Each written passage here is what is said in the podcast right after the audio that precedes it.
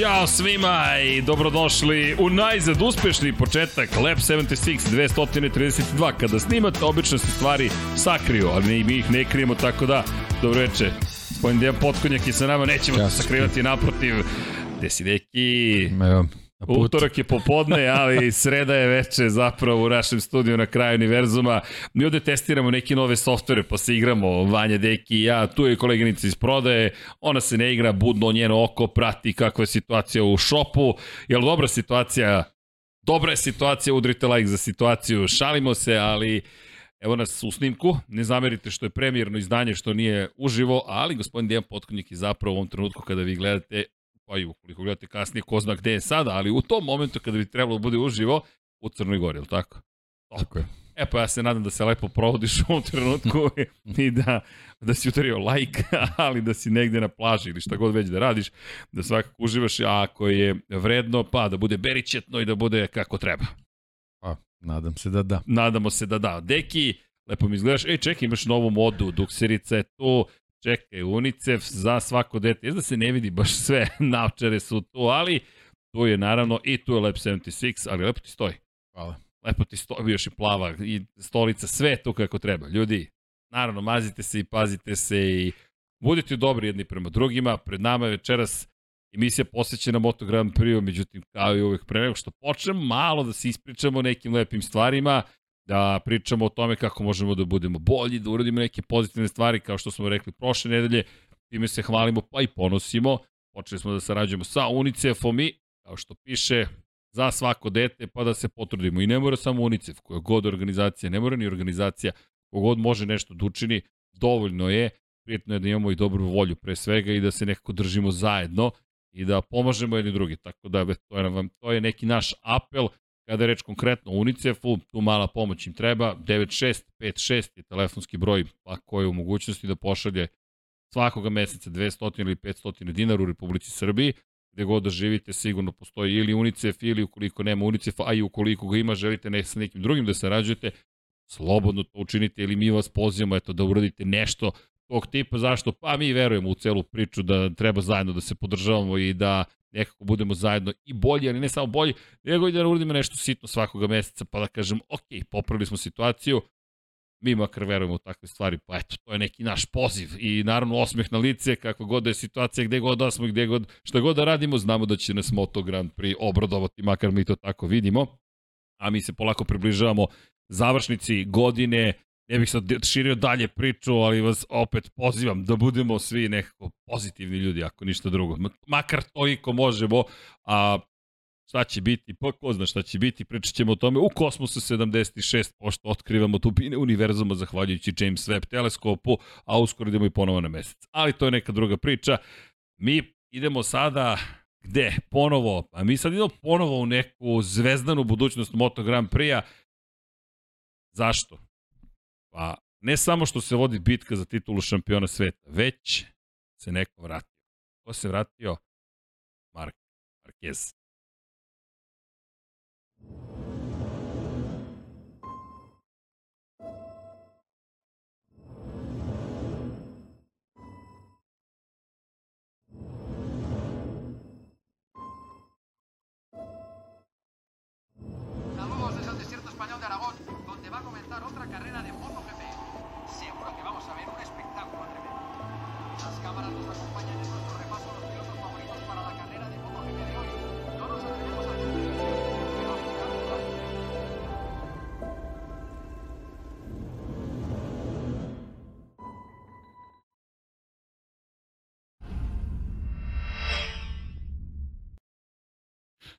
Mark.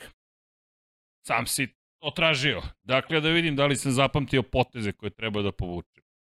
Quick mode, time trial, select rider, MotoGP, gde mi je Mark Marquez? Nema mi Marka, o, ni, jeste. Zdravo, Mark. Biramo Marka Markeza. Biramo stazu, šta kaže? Aragon. Jesi spreman, Mark, da budeš deo Lab 76? Šalio Da, sam se. glavom. Ozbiljno te shvatio. Ozbiljno me shvatio, ne, Mark. Evo, navijači Marka Markeza, verujem da ste se uplašili u ovom trenutku, ali bez brige, dajemo mu 12 meseci fore pre nego što budemo vozili s Markom Markezom bilo koju simulaciju Moto Grand Prix-a. Mislim da je čovjek imao dovoljno problema i povreda u karijeri da mu nije potrebno i ovo što kaže Deki poslednji put kad sam vozio sa Joanom Mirom. Bilo je i poslednji put da smo njega videli na stazi, tako da ne, nećemo to da učinimo, neka veza, ne, nadam se da ne postoji, ali za svaki slučaj mislim da je imao dovoljno problematičnih situacija. Ne, zamerite možda na blago, tamnom ili crnom humoru, ali činjenice da se lepo zabavljaju, bukvalno se asociralo ovaj spot, čekaj, ko mi kad uzmemo da se igramo, pa ok, ako si sam tražio da budeš u Aragonu, da te vidimo. No, šalu na stranu i apropo malo pređašnje poruke, zašto vas pozivamo da pomognete, zašto vas pozivamo da podržite, na primjer, UNICEF ili bilo koga drugog. Pogledajte šta se desilo s mostrukom svetskom šampionu. Za tili čas stvari mogu da se promene. I u tom momentu i njemu bio potreban neko, u njegovom slučaju porodica, lekari i tako dalje, ali verujem da je svaka poruka vaša na društvenim mrežama i bilo gde i te kako značilo oporavku. Tako da čak i za ljude koji imaju svu moguću najbolju ili navodno najbolju medicinsku negu i dalje podrška i lepa reč u najmanju ruku mnogo znači. Deki, mi imamo bitku između Fabija Kvartarara, Francesca Banjaje, dakle Yamaha i Ducati, i povrh svega, još uvek, Aleša Espargara na Apriliji, a glavna vest je povratak stare zvezde starog šampiona na stazu u Aragonu. Pa, verovatno oni koji organizuju čitavu priču ovaj, to prepoznaju kao nešto što će taj, da kažemo, show da podigne na više nivo.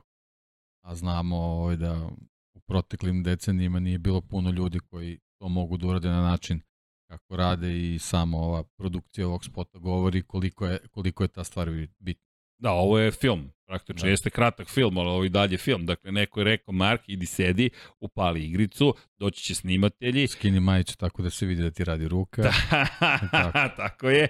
A onda da se vidi da ćeš ti sada ući u igricu, to jest da se vraćaš na stazu i onda se na kraju smehni pa pomalo i Đavolski. Dakle, Đavo vodi u šampionatu sveta Fabio Quartararo, ali neko drugi dolazi na stazu i odjednom privlači toliko pažnje da je glavna vest upravo ovo što se događa, to je da Mark Marquez posle četiri meseca od kada je poslednji put vozio, ponovo izlazi na stazu, ali rekao bih prvi put od 2020.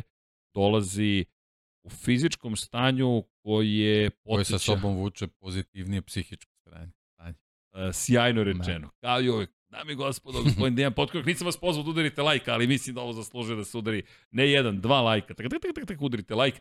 I Luka i Kuzma su nam nap, su uzeli natpis, ja, imaju like, like, like, like, like, like, like.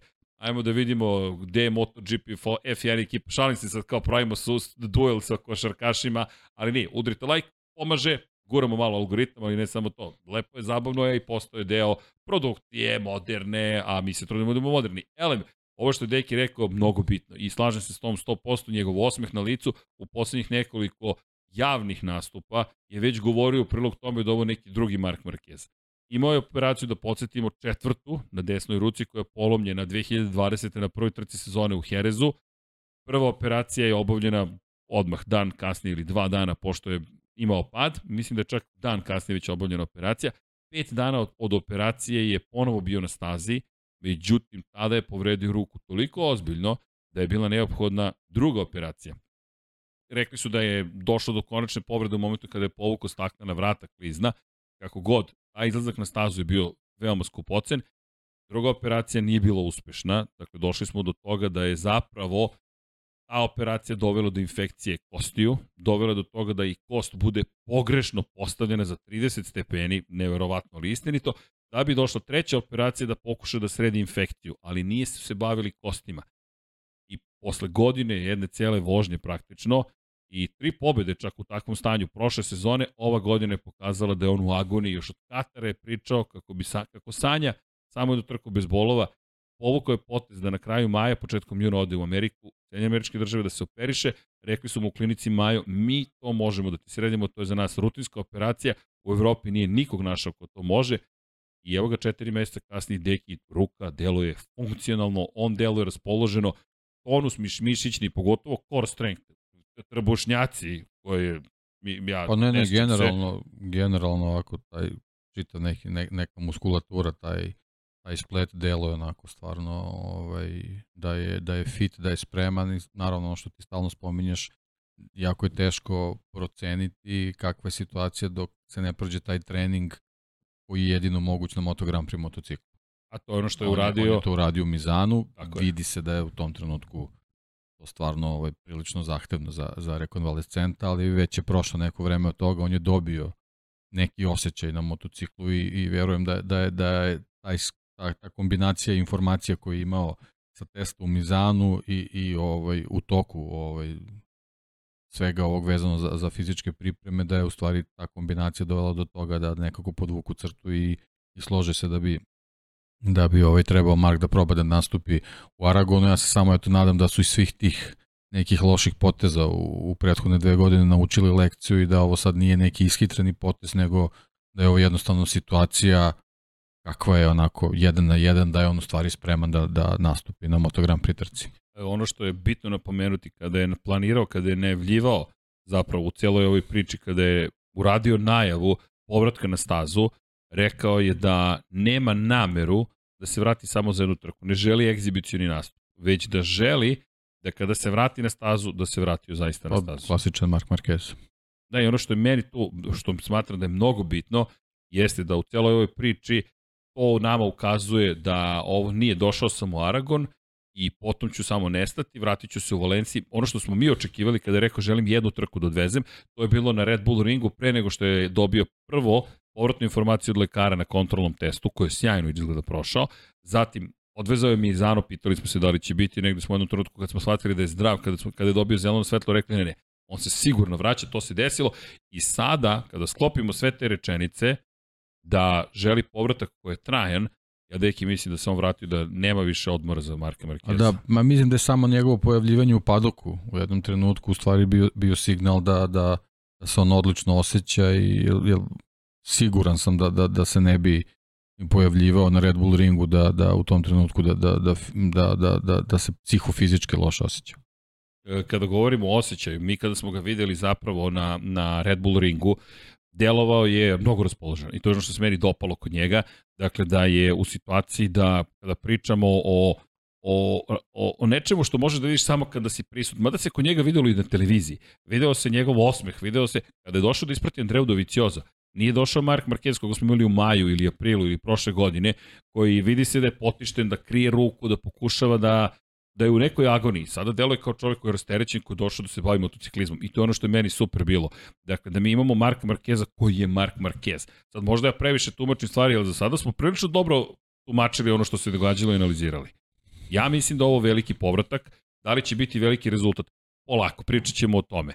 Ali činjenica je da kada je Mark Marquez na stazi, u iole dobrom fizičkom stanju, što povlači, kao što se rekao, dobro psihičko stanje, mislim da možemo da očekujemo, da citiram koleginicu iz prode, možda i bitku za neki vrlo visok plasman. Ja sam blago skeptičan za ovu trku, ono što si rekao, kako ti da izglediš te konkretne mišiće koje koristiš u motociklizmu? Samo na trkama. A još nije imao trku.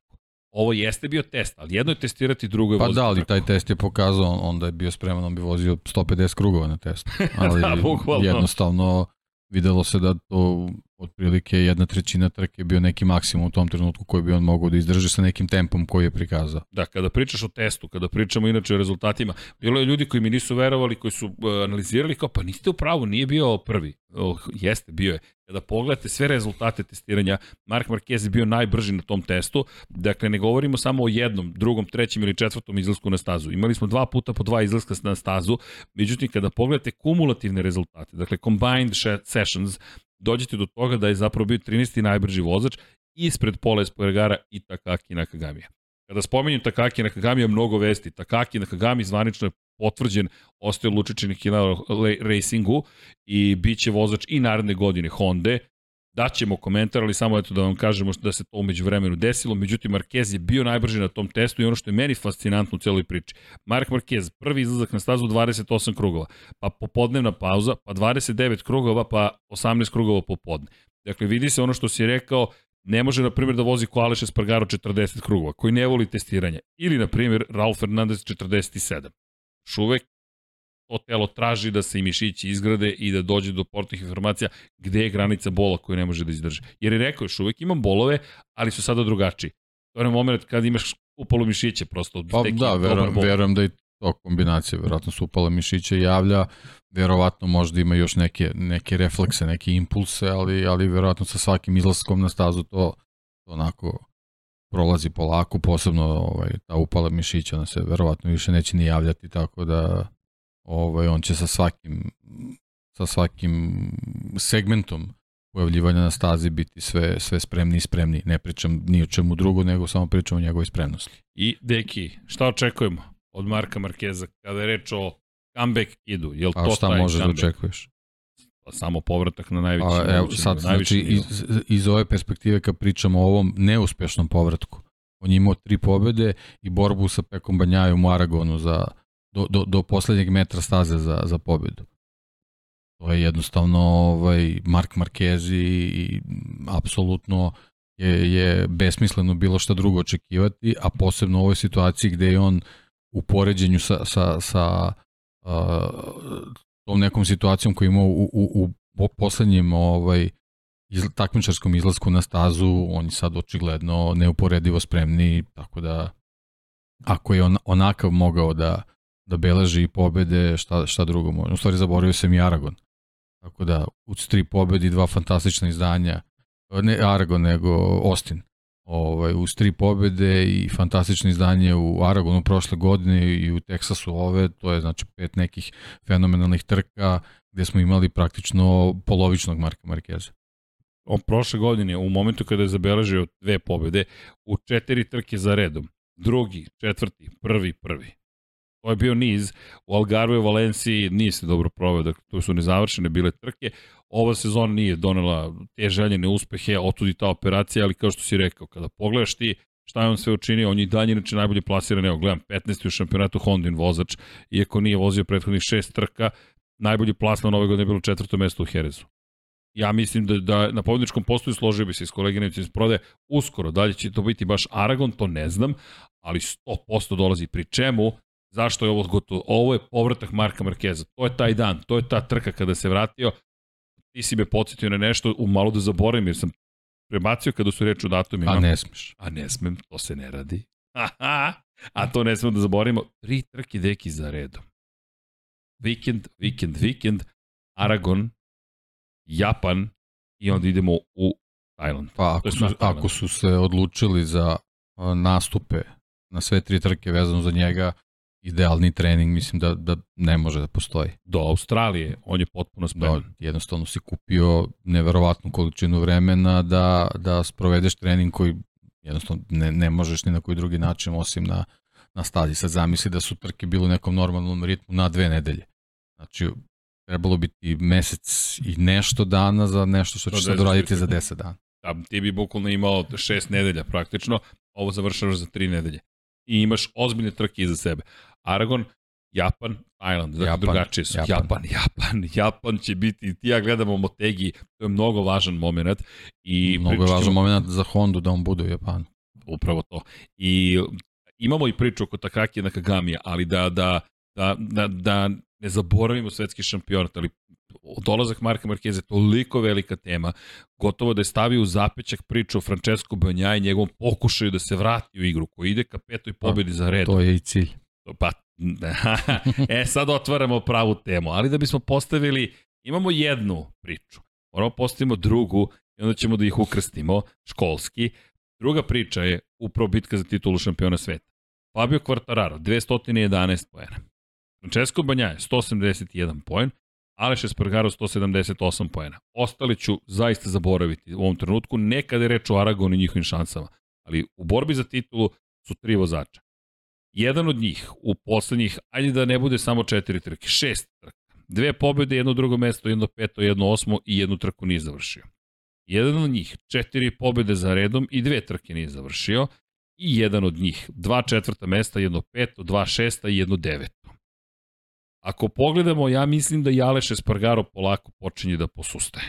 E, jednostavno, mislim da je Aragon gotovo poslednja stanica da on kaže ja i dalje jesam u ovom šampionatu U suprotnom, ako Fabio pobedi, mislim da je njegov odnos prema, da njegov zaostatak za Fabio već raste na toliko, na skoro 40 pojena najmanje, da možemo polako da predstavimo da razmišljamo ozbiljno Alešu. S druge strane, ukoliko Francesco Banjaja pobedi, ne samo što i istoriju ispisao i sigurno smanjio razliku odnosu na kvartarara, već je sada počeo toliko da beže Alešu Espargaro da ne vidim da će ga ugroziti do kraja sezone. Bez obzira možda, jedino ako se nešto desi s Banjajinim tim šansama za titulu, pa na kraju ni ne bude bitno da li si drugi ili treći. Ali moj utisak je da zapravo fokus u potpunosti prešao na Banjaju i Kvartarara u ovom trenutku.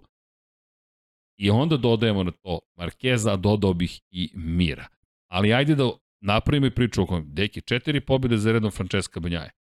Ducati nikada nije video pobednika sa četiri pobede za redom. Čak ni Casey Stonera ono što je uradio zaista spektakularno. Pa ne, već u ovom trenutku je to ozbiljan podvig zato što je došao u trenutku gde praktično nije imao ovaj, gde, u stvari da, da, da gubio šampionske ovaj, šanse bilo kakve. I onda se dešava nešto što se karakteriše kao istorijska stvar.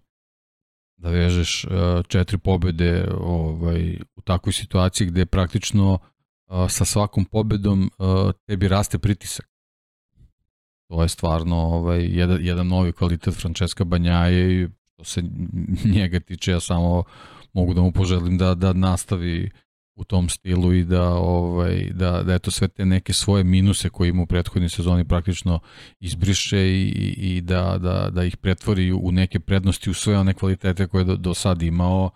Ovaj još kad kad ovaj pri tome dodamo ovaj situaciju da vozi na stazi gde je prošle godine stvarno bio briljantan, ne vidimo ovaj, nikakav razlog da ga ne stavimo na, na prvo mesto između ove trojice koji si, koji si sad spominjao da posle Aragona situacija u šampionatu bude još interesantnija. I sad, ako dođe do te pete pobede, samo da pričamo o pritisku, malo o pritisku.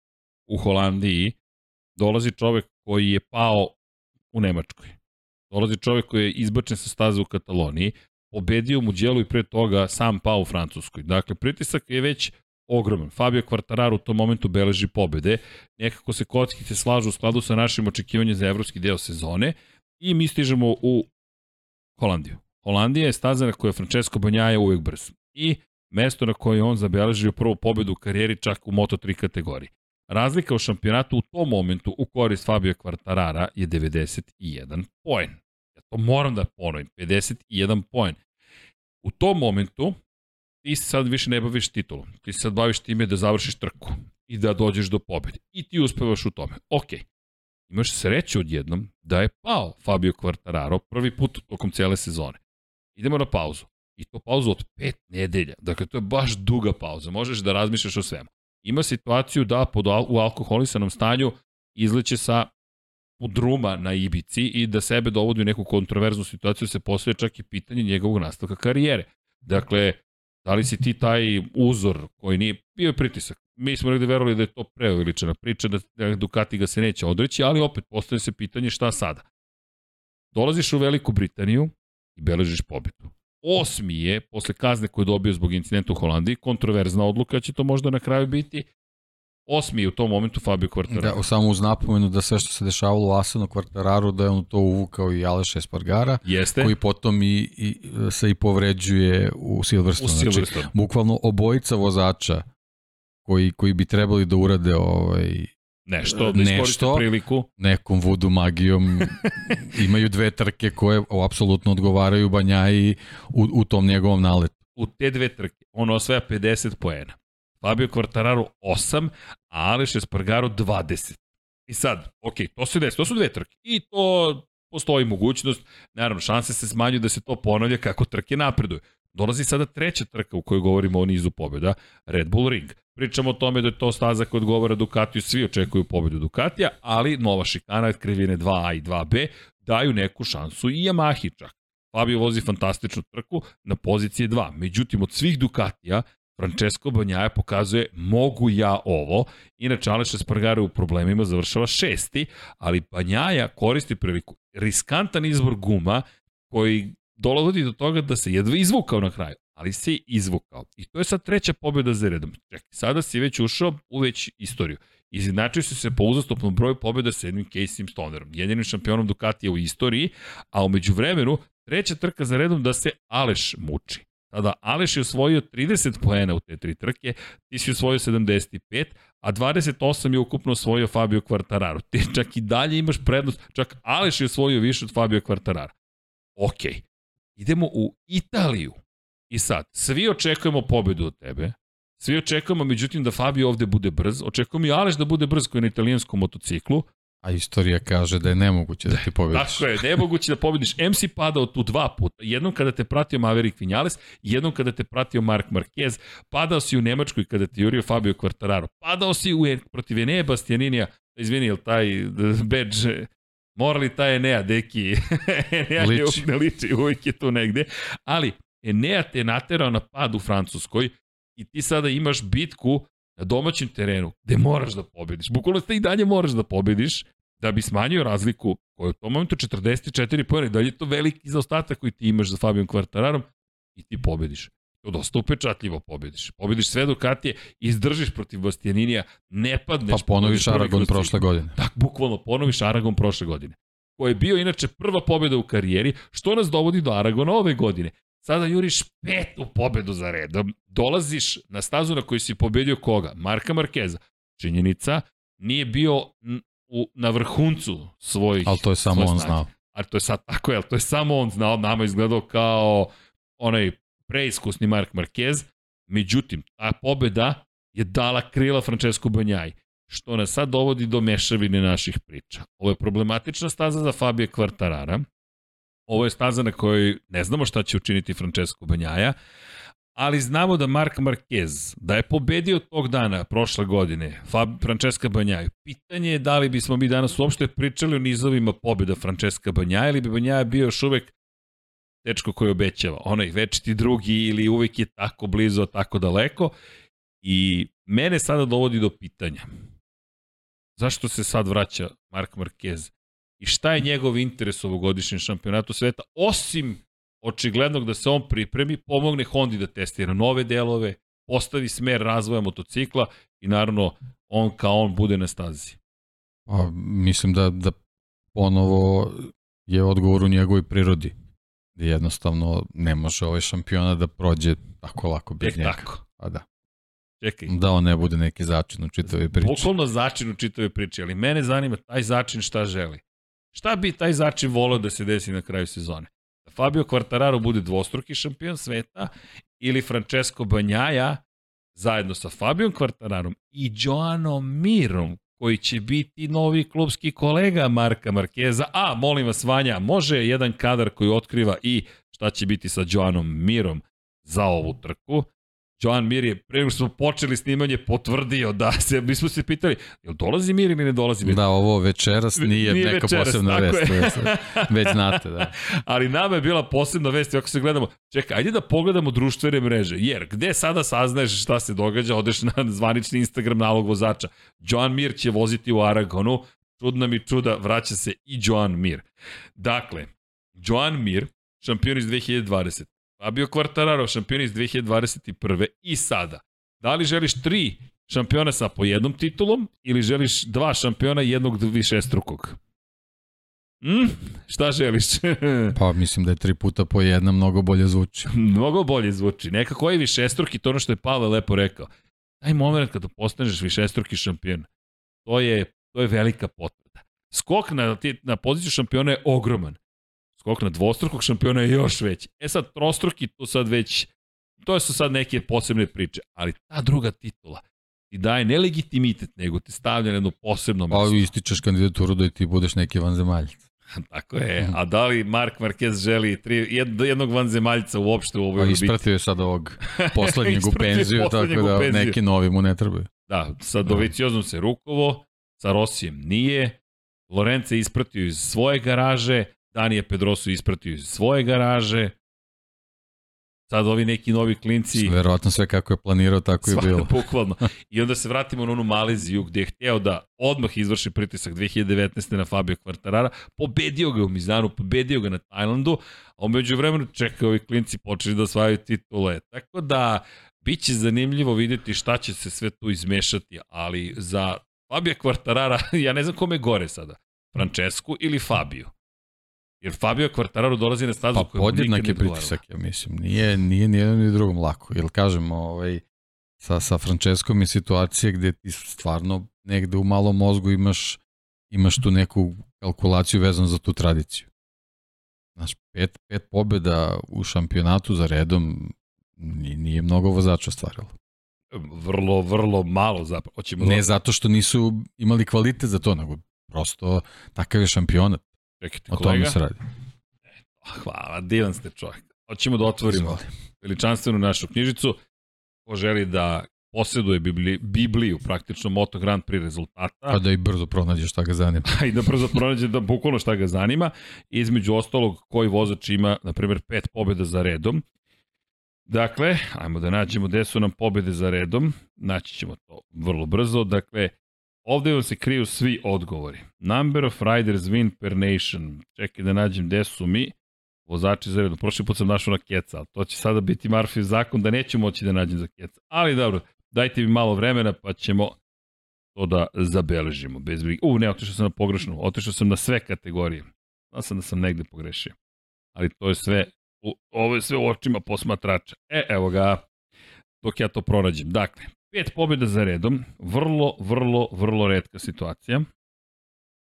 Inače, kada govorimo o ukupnim pobedama, Banjaje kako je krenuo sa ovih šest pobjeda, polako dolazi u jednoj novoj grupi takođe na vrlo elitno društvo, ljudi koji su imali, na primjer, sedam ili osam pobjeda u jednoj sezoni. Njih bilo, bilo ih je, ali nije ih tako mnogo bilo. Tako da o tome takođe treba povesti računa. Nego da se mi vratimo na ovo, pet pobjeda za redom. Prvi Ducati vozač koji ima četiri pobjede za redom. A pride, hoćeš još pritiska, ali i još prilika. Gde smo deki za 7 dana od Aragona? U Japanu. Gde smo deki, to je neki... Gde smo deki? O! Ducati. e, čekaj, vidi, ka, lapsus kako može da postane dobra stvar, reci. No, Nije lapsus. Deki. To je istina. Ako se piše. Gde smo deki? Gde smo deki?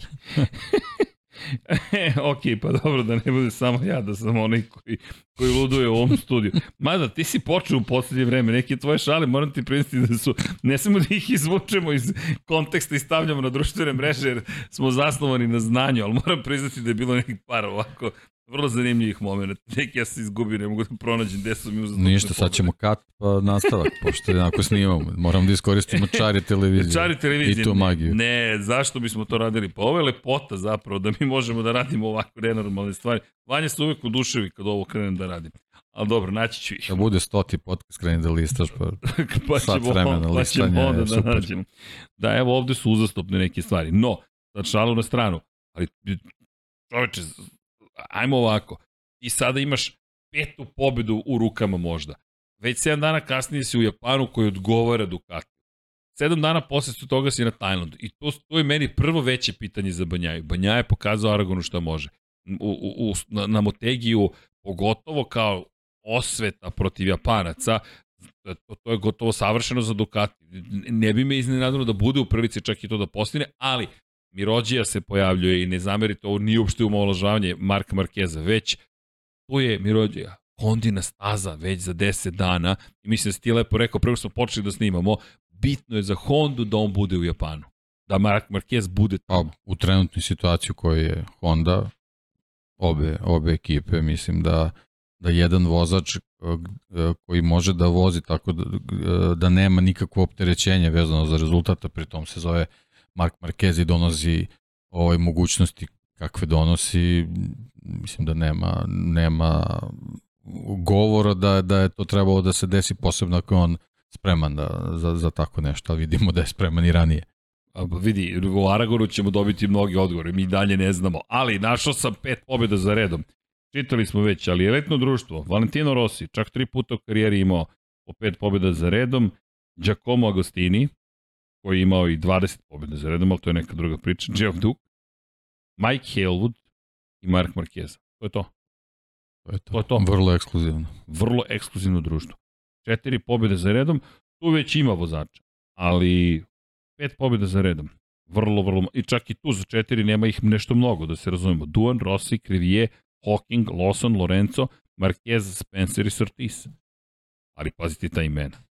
I pričamo o najboljima od najboljih. Tako da Francesco Banjaja je ušao baš na jedno posebno mesto i meni će biti sad zanimljivo ta cela priča oko Markeza, šta on želi, koga želi da vidi. Mada, pravo nešto da ti kažem, neki razmišljam, svakako će on gledati svakom njih da sruši samopouzdanje, Međutim, ja mislim da je njemu prvi cilj da on svoje samopouzdanje podigne, da, ali da, mislim prvo da će je, biti...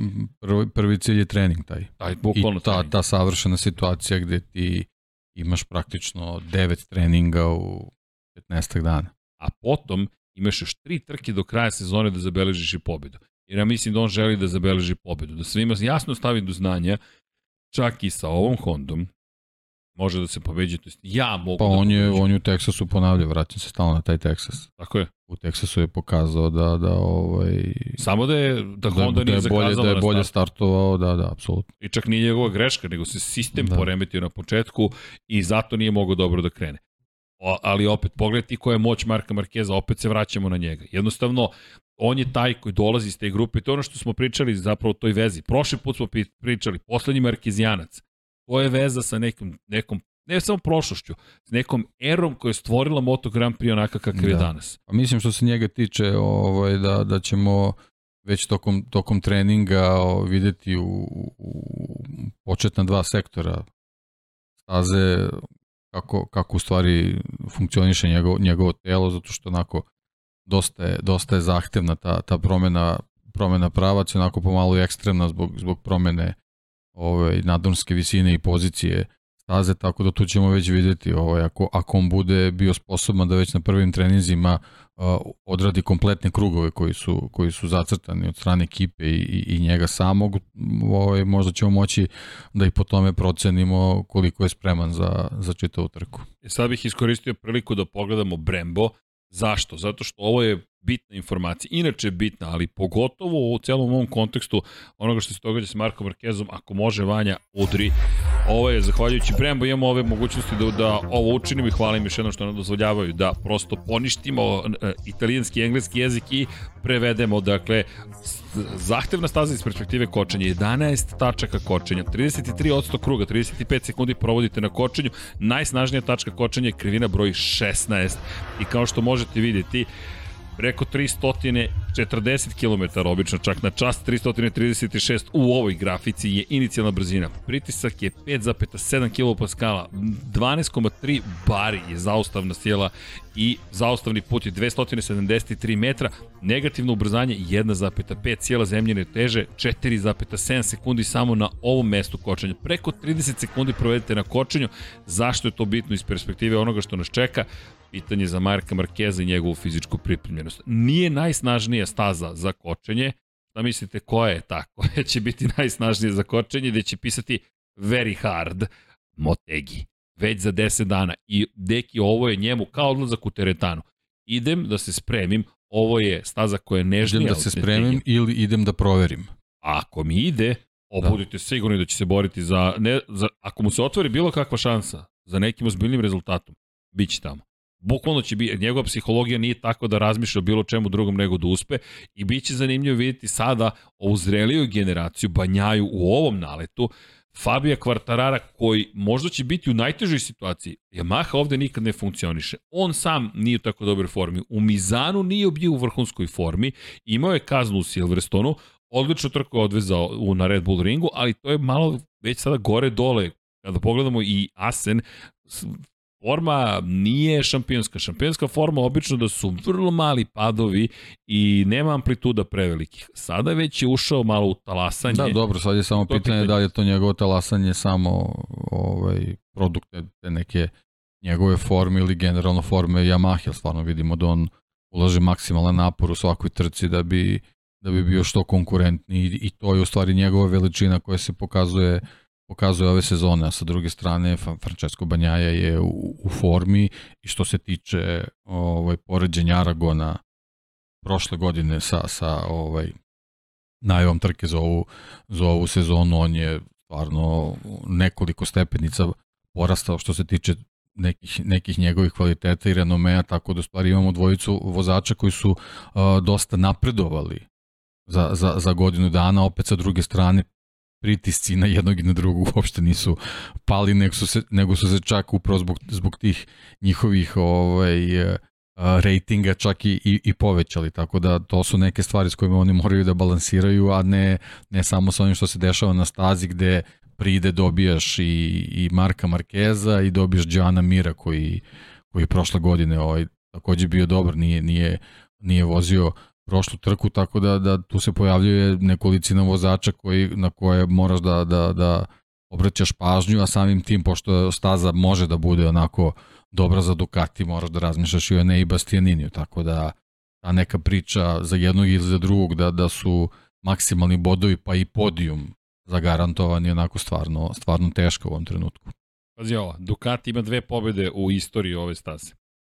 Prošle godine Francesco Banjaja i 2010. kada je prvi put vožen, o tome smo pričali prošle godine, pogledajte stare Lab 76-eve ukoliko želite i te.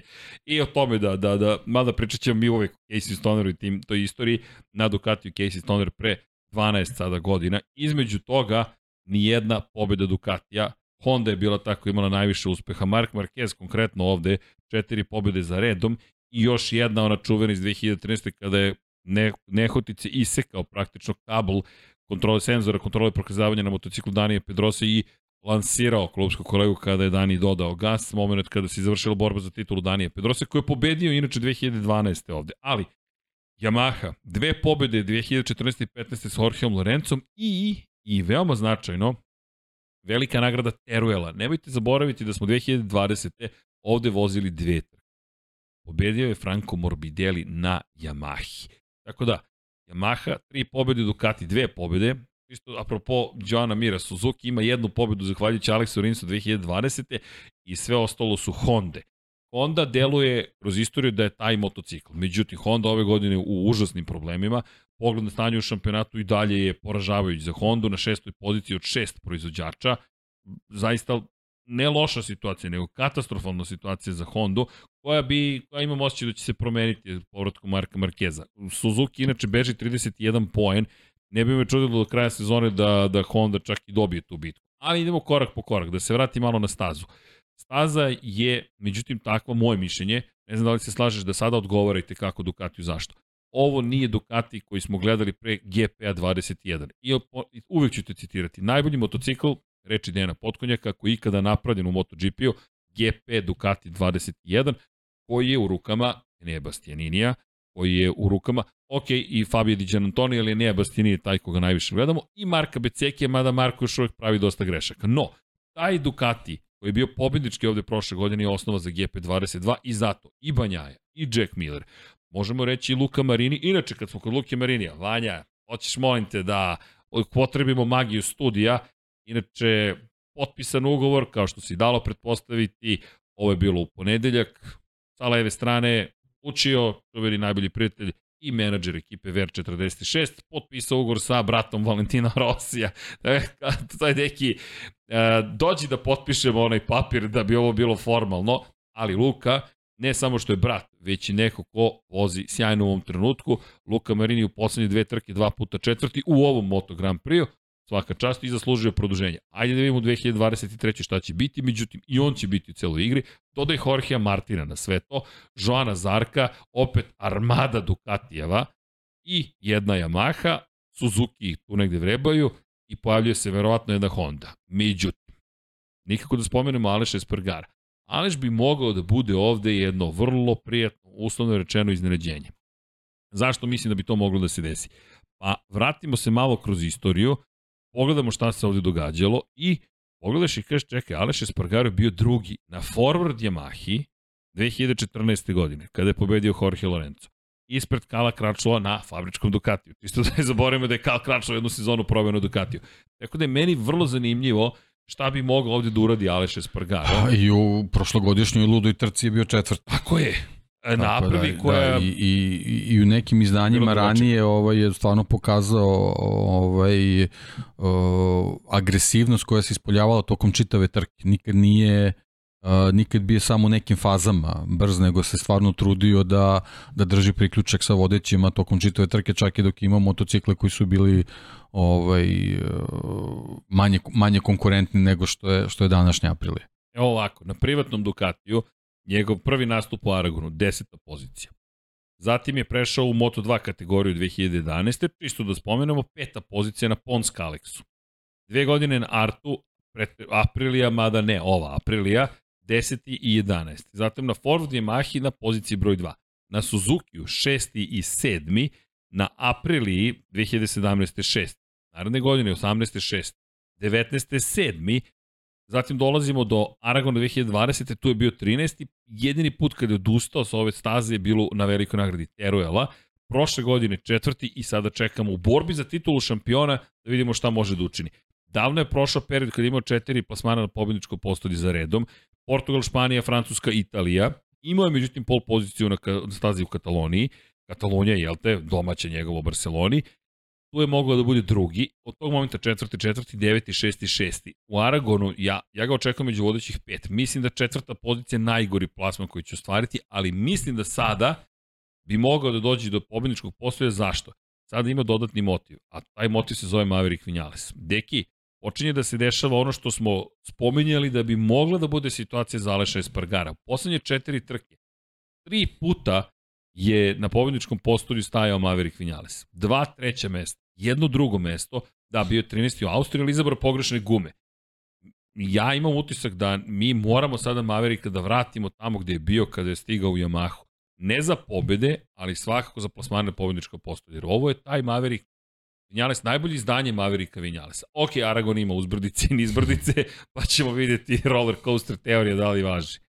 A da li generalno u, u poređenju dvojice vozača Aprilije u ovom trenutku Maverick Vinales je u uzlaznoj formi i počinje da radi ono zbog čega je Aprilija iskoristila priliku i dovela ga u svoje redove u situaciji kad je njemu onako prilično nezgodna situacija bila vezana za, za kompletnu karijeru, tako da sad, sad o, ove trke su stvari eto, i prilika da i on pokaže koliko vredi, a da se na njima na, na neki način oduži za, za, za to poverenje koje, koje su imali prema njemu gde nikad ne trebamo i da zaboravimo da u toj čitovi priči Aleš Espargaro igrao ozbilj, va, ozbiljnu i važnu ulogu da, da, da Mar, Maverick uh, dođe, dođe u italijansku ekipu, tako da bez obzira kakva je staza, mislim da on ovaj, da u ovom trenutku mora, mora da pokaže koliko vredi i da ovaj, da nekako sa svojim, sa svojim nastupom povuče Aleša da se vrati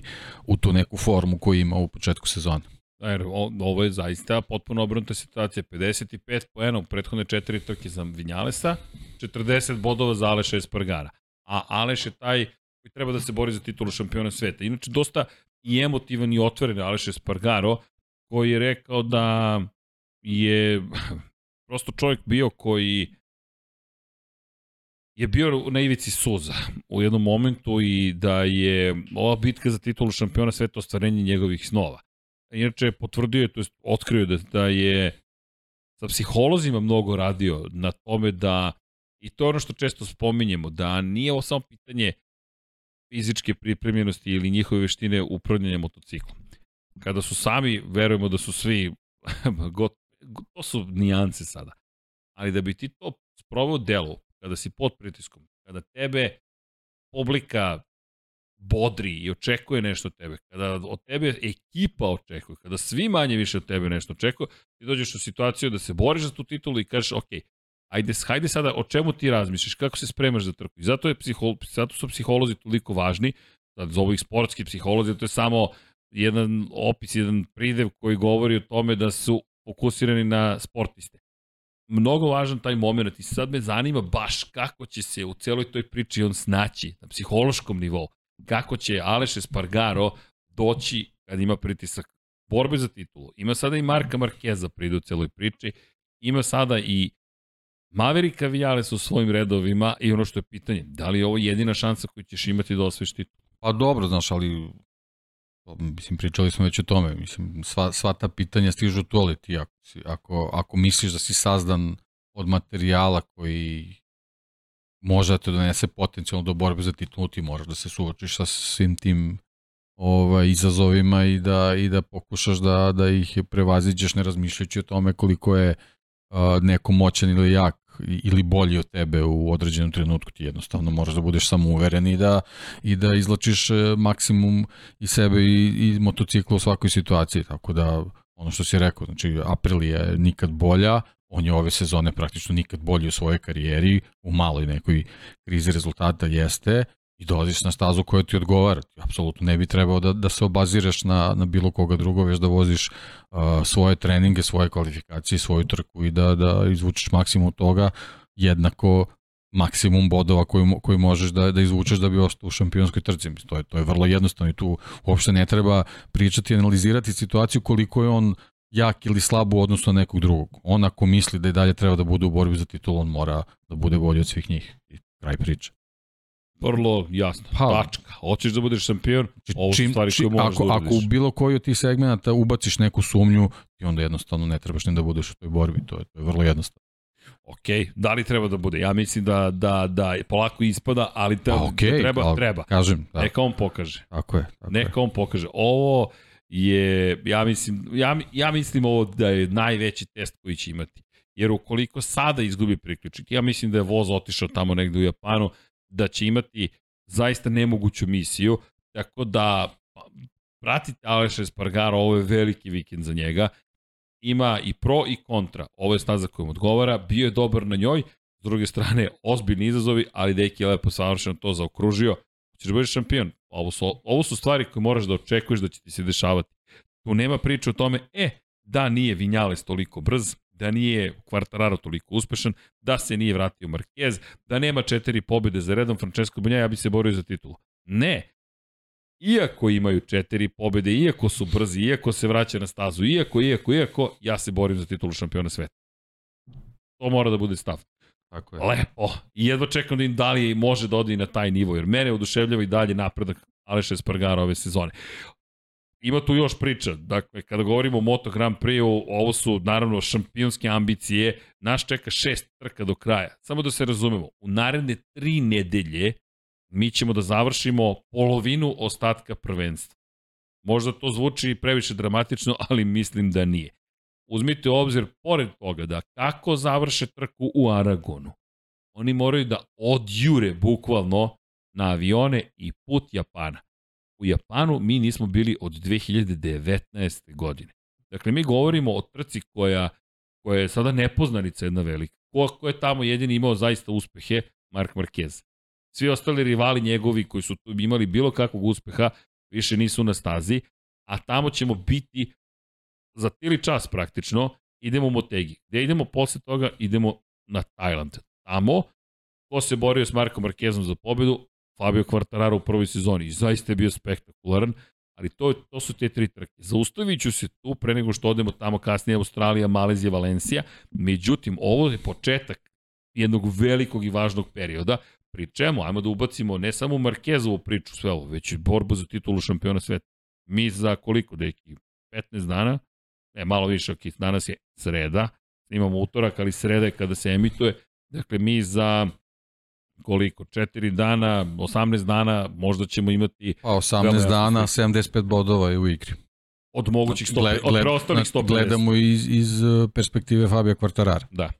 Imaš, pre, pre svega. Imaš 30 pojena Jer ovi ostali momci koji, koji njega jure sa tih 75 bodova samo može, mogu ozbiljno da se uključiti u, u borbu za titul, a on sa 75 bodova može svašta ovaj, da reši, ali zbog svega ovoga što smo naveli, posao mu apsolutno neće biti lak ni, ni na jednoj staza, počevši od, od Aragona koja je možda i, i najgura od, od, od, od sve najgura. ove tri. Da. Jer ove neke čak možda nije, nije ni, ni siguran šta sve može da uradi, ali Aragon provereno zna da, da ne ide baš kako treba. Pazi, poslednji put kada smo bili, on, lepa je bila bitka u Japanu između Markeza i Kvartarara.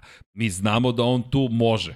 To je bila baš lepa trka. Tu smo u 3 sekunde imali četiri vozača zaključno s Vinjalesom. Pri čemu ono što je bilo super, imaš Markeza koji pobeđuje, drugoplasiranog kvartarara na Yamahi, staroj verziji Yamahe, Andreu Dovicioza na Ducatiju i njih trojica u 1,3 sekundi. Dodaš Maverika Vinjalesa 2,6 sekundi. U to vreme fabričkog vozača Yamahe na Petronas Yamahe bio Fabio. To je naša poslednja trka. To je naša poslednja trka. Inače, pogledajte koliko ljudi u ovom trenutku čak ni nemamo. Karl Kračlov je bio na poziciji broj 5. Dakle, treće plasirani i petoplasirani više ni ne voze. Danilo Petrući je bio tad 9. Danilo više ne vozi. Mika Kalio je čak nastupao kao gostujući vozač. U pramaku je bio Francesco Banjaja. Odvezao je trku, ali je bio 30 sekundi iza pobednika. Da. To je... E, sad tu kad si spomenuo razliku, to je, to je nešto na čemu Fabio sad treba da radi u pripremi za ovu trku, jer prošle godine razlika je bila skoro 20 sekundi, mislim da je između njega i, i Peka, 16-17, da. E sad, ajde da postavimo, na primjer, da se trka završi na isti način. Peko je pobedio, Fabio bio tek osmi. Da, Fabio ogromna, je bio osmi. ogromna razlika u, u bodovima bi bila nadoknađena što se tiče Banjaje. Ukoliko bi završio na osmoj Da. poziciji, to je 8 poena. Za je. 17, poena bi 17 smanjio razliku. tako je. 13 bodova, 5 trka pre kraja. Tako je. To ne postoji, to nije razlika. Da. To je, to je kraj. Ne kraj, Tako to je. znači da smo mi na, na, na, egalu praktično. E, to je ono, znači, ovaj, ni slučajno ne sme da mu se ponovi ta osma pozicija, ali ono što je važnije, ni slučajno ne sme 16 sekundi da zaostaje. Jer u ovoj konstelaciji u Moto Grand Prix 16 sekundi a, može da mu donese da ne bude u bodovima. Pazi ovako. Francesco Banjaja, Mark Marquez, Joan Mir. Poredak vodeće trojice. Mir, rekonvalescent, pitanje o kakvom će stanju biti, ne znamo ni kakav će biti Suzuki. Aleš Espargaro na aprili bio četvrt. Znamo da su oni u formi. Jack Miller je na fabričkom Ducatiju bio pet. 11 Rasterećeni Jack Miller. koji u ovom trenutku osvaja pol pozicije. Da, ide na sve ili ništa, bukvalno da, vozi. bukvalno. Bukvalno vozi sve ili ništa. Na e-sponzorama Racing Ducatiju GP19 u to vreme Enea Bastianini. On je, inače, samo se, on je bio dve godine star motocikl i on dobio u tom trenutku. Enea je bio na 13 A sada dobija pobednički motocikl. Sad ima pobedni šampion. Od- proš- prošlogodišnji. Šampionski Prošlogodišnji pobednički na toj stazi. i šampionski Što ti stalno ponavljaš. Ponavljaš, ovaj, podaci postoje. I tekako Da. postoje. I, I on zna da je Banjaja Da. tu pobedio. A imao je veliki duel sa Banjajom u momentu kada, su se, kada se završila trka u Mizanu 34.000 tinki ih je odvajalo. Ništa. Bukvalno ništa. Tako da je Nea, a već je prošle godine bio opasan kao debitant. Brad Binder na KTM-u bio sedmi i onda dolazi Fabio Quartararo. Fabio, koliko se ponovo rađe, što ti kažeš u ovoj grupi, pa si ti koliko ovde vozača ima šansu da ponovi rezultat od prošle godine. Fabija baš čeka težak posao. Iako smo gledali sad na Brembu, taj dugački put za ka krivini broj 15 i kočenje, maksimalne brzine će igrati veoma važnu ulogu. Mi ovde pričamo o, ra ozbiljnim razlikama. Opet Ducati, kada se izađe, ne, on je prelazak 16. krivini, izvinjam se, kada se izađe iz 15. mi govorimo o tome da Ducati tu baš ima veliku prednost. Iako je se Yamaha uspela da smanji, iako smo videli da su vrlo maštoviti Diego Gubelini, šef ekipe Fabio Quartararo i sam Fabio, promenama stepena prenosa, načina na koji se pripremaju, oni nadoknađuju mnogo toga. Ti ovdje imaš pravac koji teško možeš da iskontrolišeš tako lako. Ti prosto mi ovde pričamo o tome da kada odeš u Aragon i si baš u podređenom položaju. Re rekordi govore u prilog tome. Tako da vodimo računa i, i o, o činjenici da bi Fabio tu mogao da bude ozbiljni probleme. Šta Fabio može da izvuče? Sjajne kvalifikacije i po, bekstvo već u prvom polovini kruga. Prva tri sektora, ajmo da se svedemo na tri. Krivine, krivine, krivine, krivine, krivine, krivine, krivine, krivine. I onda imamo ta dvogačka pravca. Inače, kada pričamo o kočenjima, čisto da ne mislite da jedna, da ovo jedno, jeste najsnažnija tačka kočenja. Ulazak u prvu krivinu, takođe negativno ubrzanje 1,5 cijela zemljine teže. A ono što što možda u, u, u konfiguraciji Aragona najviše ne odgovara Fabiju, tačnije Yamahi je to što nema nema spletova brzih krivina. Da ima- Kao, kao, kao recimo što smo imali krivine u, u, u, na Red Bull ringu koje je on nov, novu u stvari krivinu koju on iskoristio za, za, za obilazak. Takva, takva neka konfiguracija se, se ne pojavljuje na Aragon i to je možda ovaj najveći, najveći hendikep u, u smislu Osmica je pripreme za trku. Tako tome. je, tako Imamo je, da, jednu da, šikanu u suštini. Da. Imamo skretanje, skretanje, skretanje, skretanje, skretanje, ali nemamo levo, desno, Da. levo, na primjer. A ovde ćemo Da. imati u osmoj krivini desno ideš pa levo, pa Da, desno, i- pa se spuštaš Da, u ali krug. tu je, tu je baš veliki rizik da se, da se bilo šta preduzima, tako da vidjet ćemo, kažem, ovaj, a, mnogo zavisi od te pripreme a, za trku, o, ali bez, bez dobrih kvalifikacija, ne, ne znam, može bude stvarno mnogo teško. i onda to opet može da otvori stvari, a onda nas opet to vraća do tog pitanja, a šta će biti sa čovekom koji se vraća i tako u krug, okrećemo u krug, ali, ali ima, ima još par stvari koje su se desile, da samo da napomenemo, kada je reč o, o ID Markezu i Hondi, jer oni jesu ovde bili najuspešniji, tako da ne bih izbacio ja Markeza iz priče za neki pristojan rezultat među vodećih pet, da li može na političkom postoji? Uvek može, ko sme da ga otpiše, ali bit će teško, lepo si rekao, ovi su vozači koji su sazreli. Da. I, i ne vidim... I sada, izvini, ako Da. da. Honda slučajno ima taj neki kapacitet skriveni koji, koji nismo nešto pretrano videli ove godine, ovaj, i Alex je pokazao Marquez da, da Aragon stvarno ume da vozi ovaj, u nekom Ovo staza mu i tekako. u nekom, nekom, nekom dobrom, dobrom stilu ovaj, i eto, ako, ako postoji neka staza gde, gde neki vozač može da bljesne tokom sezone, a, a generalno mu ne ide, što se tiče Aleksa Markeza, to bi mogao da bude Aragon, što a, ne dovodi do toga da on o, eksplicitno mora se bori za, za pobedu ili za podijum, ali može da, da ovaj, prilično iskomplikuje situaciju recimo sa nekim njegovim dobrim kvalifikacijama se, da se pojavi ovaj, u, u vodećoj grupi i da, u- da u prvih nekoliko, prvih nekoliko krugova a, dođe do nekih borbi da bi možda neke od, od glavnih favorita i vozača koji imaju bitan visok plasman praktično isključio iz te priče, tako da trebamo da gledamo pomalo i u njega. Ali kažem, to mnogo zavisi od Honda, zaista ne znam ovaj, da, li, da li je tu išta moguće da se ponovi. A Honda inače koja traži stabilnost u tome što je zadržala koga? Takaki Nakagamija, najnovija vest. od Pre, mada, evo, volao bih da smo snimili to, tvoj izraz lica. Nakagami, još jedan jednogodišnji ugovor je potpisao sa Lučiće Kinelo Racing Honda. Ma svaka čast za njega.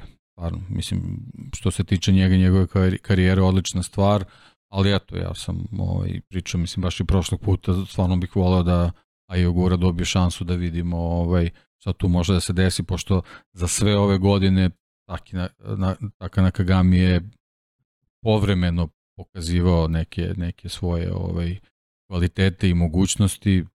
Ponavljam, ovaj, bila je ta povreda naravno ovaj, može da bude kao, kao opravdanje, ali evo, sad imamo ovaj primer čoveka o kojem pričamo i, i možda i sa mnogo, mnogo težim ovaj posledicama se borio, pa je uspeo da se izbori da, da, da se vrati, da, da pokazuje stvari koliko vredi. Taka, eto, još jednom, još jednom dobija priliku i, i neko, ok, ajde, ajde da vidimo ovaj, neki novi izazovi stižu, možda će neki novi motocikl njemu više da odgovara, pa ćemo ga možda dobiti u nekom boljem izdanju.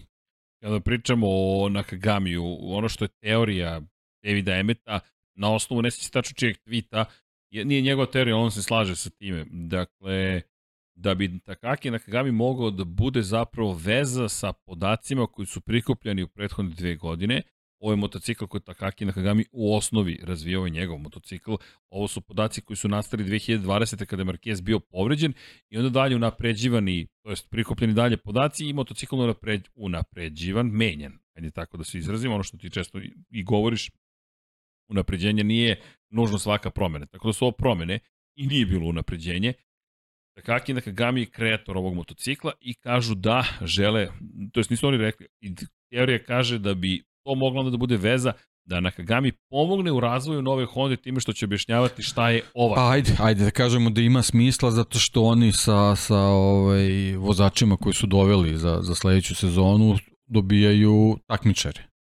A eto, ako, ako treba jedan vozač da, da, da bude u toj takmičarskoj grupi neko ko će da, da pomogne u razvoju, onda neka, neka to bude taka, zato što stvarno od, od Ogure u tom, u tom smislu ne bi trebali da puno očekujemo, zato što prvo znamo koliko je on taktičan, koliko mu vremena treba da se razvija u određenim šampionatima, ovaj, on bi se onda našao u jako nezgodnoj situaciji da on bude taj koji, koji dobije tu dužnost, tako da eto, ako, je, ako se gleda ovaj, u tom smeru, onda, onda sam ja pre da, da, da tako ostane tu gde jeste kao što, kao što smo videli da će tako da se desi. Znači, Marquez, Mir i Rins će biti tu koji trebaju da osvajaju bodove i vrate Hondu tamo gde treba da bude. Ajde, teorija, kao što si rekao, ima smisla da vidimo da će to pomoći. Ja moram Znaš kako, jako je važno, izvini, ovaj, Honda sledeće sezone dobija tri izuzetna radnika među vozačima i onda dobija još jedno koji očigledno prema nekim njihovim ovaj, saznanjima može da donese taj kvalitet vezan za, za, za neki feedback kad su, kad su ti podaci u pitanju, to je onda a, mislim da je oružje s kojim Honda stvarno može da nastupi, da, da, da jako brzo a, dođe na, ne, na neki nivo gde, gde, gde bi realno i trebalo da bude. Apropo, eto samo, već si sve rekao, ali samo da iznesem neko viđenje stvari. Mislim da je trebalo da gurnu Ajo guru napred. Mislim da uz sve promere koje se dešavaju, pričamo o stabilnosti koja ne postoji. Mark Marquez je pokazao da na ovom, moto, na ovom motociklu, da se vratim na ono što si spominjao, a to je Amerika, zna kako može da izvuče maksimum. Definitivno jedini koji je izvukao. Pole Spargaro je bio na pobedničkom postolju na početku sezone i to je bilo to. Nije se više približio pobedničkom postolju. Dakle, mi govorimo o prvoj trci godine kada je Kada smo i mi pomislili da, da je to njegova godina. Tako da. je, baš izgledalo dobro. 12. mesto, nezavršena trka, 13. mesto, 9. mesto, 11. ne, 12. 12. ne, oprostite, 11. ipak, 11. 11. bez plasmana, van bodova, bez plasmana, bez plasmana, 14. van bodova, bez plasmana. Nijedno više nije se približio tome da mi pričamo o pobedničkom postoju. Mark Marquez, da ne bude samo Amerika, Amerika je njegova staza. Tada, uz problem koji je imao sa motorom, nije mogao više od šeste pozicije. U Portugalu šesta pozicija, četvrti u Španiji, to je čuvena bitka sa Alešom Espargarom i Jackom Millerom za poziciju broj 3. Šesti u Francuskoj i u Italiji na poziciji broj 9 kada je rekao ovo nije dovoljno dobro. Dakle, on u tom momentu ima niz koji niko iz Honda ne može da ostvari. Šta će ti onda Takaki na Kagami? Imaš Marka Markeza. Šta će ti Takaki na Kagami? Ja zaista ne vidim potrebu za time. Imaš Joana Mira, koji je, kao što si rekao, ozbiljan radnik. Dolazi ti u Lučići Kinelo Racing, Alex Rins, ozbiljan radnik i vice šampion i čovek koji može mnogo toga, može da pobeđuje u Moto Grand Prix-u. Takaki na Kagami meni deluje, ok, verujem da prije što si iz Japana, ali ok, ima, to je neka veza, ali da li ti to stvarno veza pa, bez koje ne možeš? Kažem, e, ja verujem da će LCR i sledeće sezone biti žrtvovan u smislu da će u slučaju da je potrebno donositi neke nove delove na, Misliš, na trke da će da će pa Takakiju možda eventualno nešto ovaj Rinsu, ali mislim da će da da će tako da bude taj čovjek od poverenja za za Japance. Ne, 100% si u pravu. Zapravo ovo je velika podrška Aleksu Rinsu. Jer ti zapravo možeš da iskoristiš Rinsa za trkanje i da kažeš ej, čekaj, nemoj da trećemo. Nije bilo mesta u Repsolu. Evo imamo ovaj, imamo te ovde. Da čak i da dobije neki novi deo Rins, ne verujem da će rizikovati, tu si u pravu 100% sa njim koliko s Nakagami. Od Nakagami znaš da nećeš dobiti ozbiljniji rezultat ako dobiješ super, da. ali A znaš da, da ubaciš u takvu vatru, da ubaciš ovaj Ajo Guru, da, možda nije ni pošteno. Ne, ne, upravo možda nije ni pošteno. Pojela bi ga možda da. situacija. On treba da dođe negde gde su već trojice stabilnih i kaže, e, okej. Okay. Ne trojica stabilnih, trojica, trojica dvojica, dvojica uh, šampiona i treći koji ima šampionski materijal i onda dolaziš ti kao možda eventualni šampion Moto, Moto2 serije gde, gde ne može da se, da se snađeš u, u, u nekom neverovatnom ritmu koje će Repsol Honda da nametne sledeće godine. A da. onda je bolje da tu možda bude taka koji je već navikao na sve to. Honda je ranjena, ali ukoliko da. se stvari dovedu u redu Honda. Vrlo brzo mogu da se dovedu. Vozača, da, da, da. Uf, to može da bude poput one situacije Doviciozo Pedroza Stoner. Da samo što nisu istim bojama, ali manje više. Pa Suzuki je generalno olakšao, olakšao situaciju, jer nisam siguran da li bi mogli na taj način da, da deluju, da, da nisu imali raspoložive Rinsa i, i Mir. Ne, to, ko je to očekivao? Ti takva dva vozača dobiješ na izvolte. Na izvolte. Da, gde, gde prvo njima, njima sigurno sečeš noge u pregovorima gde jednostavno oni, oni nemaju baš pretarano mnogo izvor, izbora u, i da mogu da se cenkaju. Da. Bukvalno i da. o, o, o, u opticaju nije više karijera. Da. da, dobro, tu je sad samo bilo bitno koliko, koliko, će, koliko je Repsol Honda džentlmenski odigrala da, da, da ipak uh, dobre uslove dobiju i Rins i Mir, što bi za njih uh, bio boost da, da to Repsolu vrate sa dobrim rezultatima, to je da mu praktično budu dužnici. Tako da vidjet ćemo. Zanimljivo, da, ali da. izbor koji mora da se spomene. Jednostavno, ne možemo da, da zanemarimo implikacije onoga što znači potpis Takaki na Kagami, čak i za budućnost Honda i kako su stvari postavljene. Ayu Gura, dolazimo i do njegove priče polako i kada je reč o Moto dvojkama, ali prosto, pa i nekako lepi prelaz, ali da ne izgubimo iz vida i da je taj potpis Takaki Rakamija vrlo velik i inače da nam ostaje samo jedan jedna upit, jedan upitnik, a to je ko će biti drugi vozač gas gasa, to još uvijek nije potvrđeno, mada možda je već potvrđeno, samo što mi nismo mogli da snimimo pošto je utorak popodne. Tako da vidjet ćemo ko će biti priča se i o Sergio Garcia, priča se i o Augusto Fernandezu, priča se o mnogima. Da, da kažem, ali... to što si rekao, pošto snimamo da sad ne, nešto ne izletimo, da ne bude ovaj, jednostavno zakasnelo ili pogrešno, tako, tako da nećemo se toga ovaj, ne, ne da doticati, da a vi ćete preko društvenih mreža videti tokom, da kažemo, današnjeg dana, ovaj, da li se nešto desilo konkretno. a u momentu kada smo snimali nismo znali. Da, tako je. I kada pričamo još par stvari o Moto Grand Prix-u, KTM je ogromno nepoznanici, nemamo predstavu što će se tu zbivati. Da li će Binder ponovo da bude tu sedmi, osmi, verovatno hoće, samo ne znamo tačno koji. Miguel Oliveira, Raul Fernandez je raspoloženi, možda Jest. nas on iznenadi. Jest. To, to bi vredelo gledati i naravno neraspoloženi Remy Gardner, da uvek Da, Raul isto, isto voli Aragon, tako da a posle, posle dobrog, dobrog Mizana, gde je za neke bio čak i vozač dana, pa naravno bio u senci te čitave borbe ovaj, Banjaje i Bastianinija, ovo, eto, možda, ako, ako to nije bio samo bljesak vezan za Mizana, nego ako to neka najava nešto bolje forme, i Raul može onako da, možda da računa na, na neke bolje bodove ukoliko KTM to dozvoljava. Da, ali dobro, to ćemo, to ćemo sve saznati. Samo čistaći još jednu osobu, Kal Kračal se takođe vraća tako na stazu. Je, Mora da se spomene, Kal Kračal. Da, imamo trojicu vozača koji nisu vozili na prošle treci. da, da. Znači, Kal Kračal da. koji nam dolazi, malo pre se rekao, ti ljudi ne vozi više, Kal Kračal vozi. Dakle, da. samo je u penziji, ali će voziti do kraja sezone za RNF. Da, dobro, ali ono, ono što je što i on ovaj, najavio odmah da, da se od njega ne očekuje ništa spektakularno, Uh, sam je rekao kao ja mogu čitav dan da vozim testiranja i da sam u dobrom ritmu i sve, ali kad dođeš na, na trku to je neka sasvim druga priča, tako da tu ne trebamo da očekujemo ni, ništa spektakularno, ali pošto se radi o Kalu Kračlu, apsolutno je sve moguće. Tako da, ono, gledamo, gledamo u njegov nastup. A kao što smo rekli, bio je na Ducatiju ovde na poziciji broj 3, nekada davno, jedan od redkih plasmana na pobedničkom postolje za Kala Kračla u toj jednoj godini dvogodišnjeg ugovora na Ducatiju. E, on je odustao. Zato uvek pohvala Andrej Doviciozo, Andreja nije odustao. Andreja rekao, ostajem ovde, a Kali rekao, ovo da vozim, ne, ne, ne, idem negde drugde i otišao na Yamahu. Čak i super hrabri Kal Kračlo. Dobro, idemo mi na AIE Oguru i kompaniju koja je u Moto2 kategoriji. Nadam se da ništa nismo zaboravili, propustili. Mada, mi uvek nekako, to ja volim da baš pokrijemo sve, ponekad i ode se u neki drugi ekstrem, ali ovde ste pretpostavljam zato što volite Moto Grand Prix. Ele, Moto dvojke, deki, borba za titulu šampiona sveta ostala je otvorena, četiri pojene samo između Fernandeza i Ukure, već smo ih spomenuli. Aron Kane na 37 pojene za ostatku odnosu na Uguru, to je 41 odnosu na Fernandeza, slično Alešu Espargaru. Poslednja stanica Aragon mi deluje. Naravno, kada imate trailing trka u tri vikenda kalendarska jedan za drugim, ko zna šta može da se desi. Pogotovo ta druga trka zna da bude problematična, ali ja zaista verujem da ukoliko ovde, zajedno sa još jednim čovekom, Čelestinom Vjetnim, koji ima poen manje od Arona Kane, ne uhvate priključak, mi možemo već da zaista se bavimo Fernandezom i Ugurom, pogotovo što je sledeća posle trka Aragona, Japan. A cenija će Ugura tamo biti raspoložen.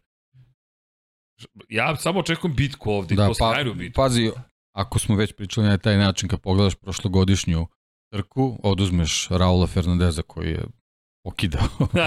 oduzmeš ga bukvalno. da, ovaj, i Remija Gardnera koji je bio tu, tu su Augusto Fernandez i, i Aja Ogura, Aron Kane u stvari pre Aja Ogura, oni su bili u samom vrhu, tako da eto, tu trojicu vozača treba gledati i ovoga puta. Naravno treba priključiti Celestina Vijetija, ali naravno kad se radi o moto dvojkama i kad se radi o Aragonu, obavezno čitavu priču mora da se stavi ono što ti stalno govoriš.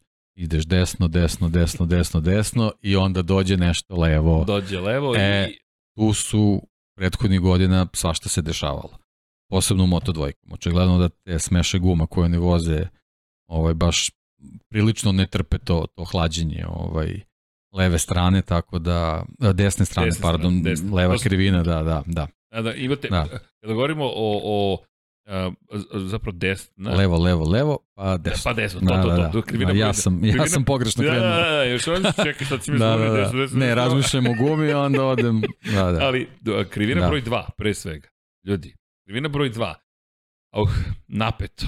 Izađeš iz, iz splet, ideš levo, desno, desno, levo, tamo dole kod, da kažemo, pravougaonika, i onda izlaziš na zadnji pravac, skrenuo si u levo, kreneš da odeš gas, Hladi se ceo motocikl, pravac, pravac, pravac, onda idemo na kočenje, zagreju se kočnice, prednja guma se zagreje, ali skrećeš u levo, zagrevaš levi deo pneumatika. Nastavljaš kroz tu dugu levu krivinu, sad je zovu dve krivine već par godina, izađeš na startno ciljni pravac, ponovo hladiš, hladiš, hladiš, hladiš, hladiš, hladiš, snažno kočenje, kretneš u levo, zagrebaš levu stranu pneumatika i dođe krivina broj 2 i ti skreneš, a motocikl nastavi da skreće i odjednom ti si u šljunku. Tako da je to zaista, ovo je staza koja ima tu, kao Barcelona, to smo pričali, desno, desno, desno, pa skreneš levo u krivini broj 2, tako je ovde ista situacija, baš će pa, biti... I malo izraženije nego u Barceloni, Jeste. da. Ne, ne, baš, jer tu uvek očekujemo, nažalost, brojite koliko ljudi izletelo u krivini broj 2. I u Moto Grand Prix, bez obzira što je mekša, zapravo da. desna strana pneumatika, nema mnogo pomoći nekim situacijama. U moto dvojkama, kao što si lepo rekao, zaista izražena situacija. Tako da ćemo vidjeti šta će se tu desiti. Čisto reda radi, ne reda radi, i u sklopu najave, Augusto je bio treći. Dakle, izuzeli smo Raula, pa i Remija smo skinuli iz te cijele priče, nisu ni tu, a i dominirali su. Jorge Navarro je bio drugi, Aaron Canet treći. Fabio Di Antonio, koji nije tu, je na poziciji broj 6 bio. Fermin Aldegir je vozio dobro I to je bio jedan od redkih nastupa u tom trenutku Fermina Aldegera. Da. Tako da možda možemo da ovo vodimo oh. kao njegovu domaću trku. Domaću I možda stazu. prilika da se da. nešto desi. Malo vrati, da. Tako je. Da. Ajo Gura kao Novajlija bio osmi, a Toni Arbolino i Simone Corsi na MV Agusti. Da. Sve je okej, okay. ali u toj čitovoj priči, sad, naravno. ova sezona naravno apsolutno govori suprotno, sve žive rekorde drži Sam Lowe's. Tako da možda i da. tu, možda i tu da. nešto ima što može da bude jako zanimljivo u nekom ovaj raspletu vezano za, za borbu za titulu. Bez da. obzira koliko ova sezona loša bila i, i bolna za njega i, i svašta nešto, ovaj, svi ti neki, neki rezultati ovaj, koje postiza u Aragonu vezano za, za najbrže krugove, za najbrže krugove istoriji, pol pozicije, ne znam ja šta, ovaj, sve ide na njegovu stranu, tako da eto, možda, možda i njega konačno dobijemo na, na ovoj stazi. Da, nažalost, kada je reč o Semu Lowsu, pol pozicija prošle godine, ali izletao se staze opet ista priča. Da, da Sema, gde si izvukao Sema Lowsa, deki, pa, iz kog džepa, ali ja sam već odustao od čoveka, ali činjenica da. je da ne treba Nećemo da odustajemo, da. Nećemo, nećemo odustati. Pa ne, u pravu si, zašto odustati od, od Sema Lowsa?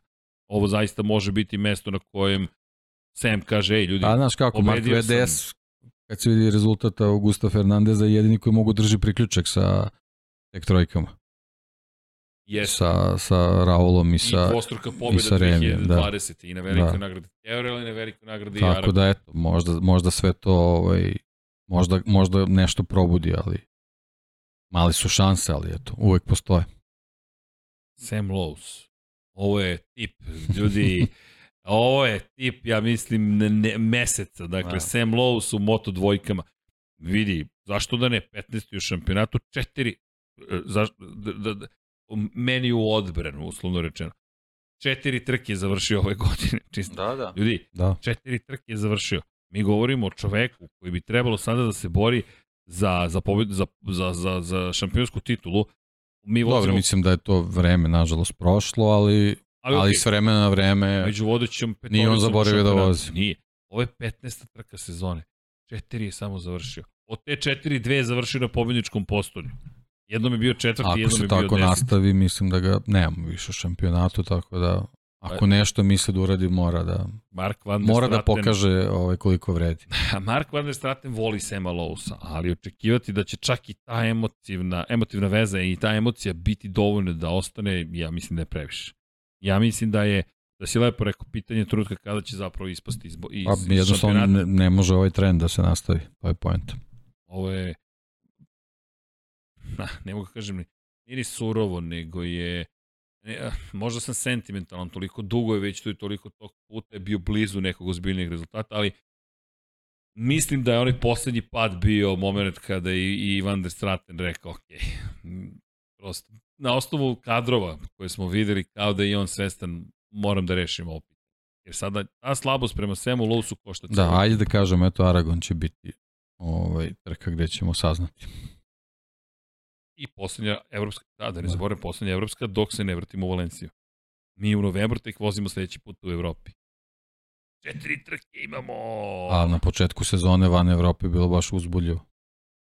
Uh, misliš Čele- misliš Čelea. Celestino Vijeti. Zato imaš u ti mikrofon. da, da. Pitajte Celestina Vijeti. Da, Pitajte da i. Aldegera. Uh, može, Moglo je može. svašta da bude, da. Ajmo da vidimo da li je zaista to da. Da li je Aragon zagrevanje za neki odlazak iz Evrope?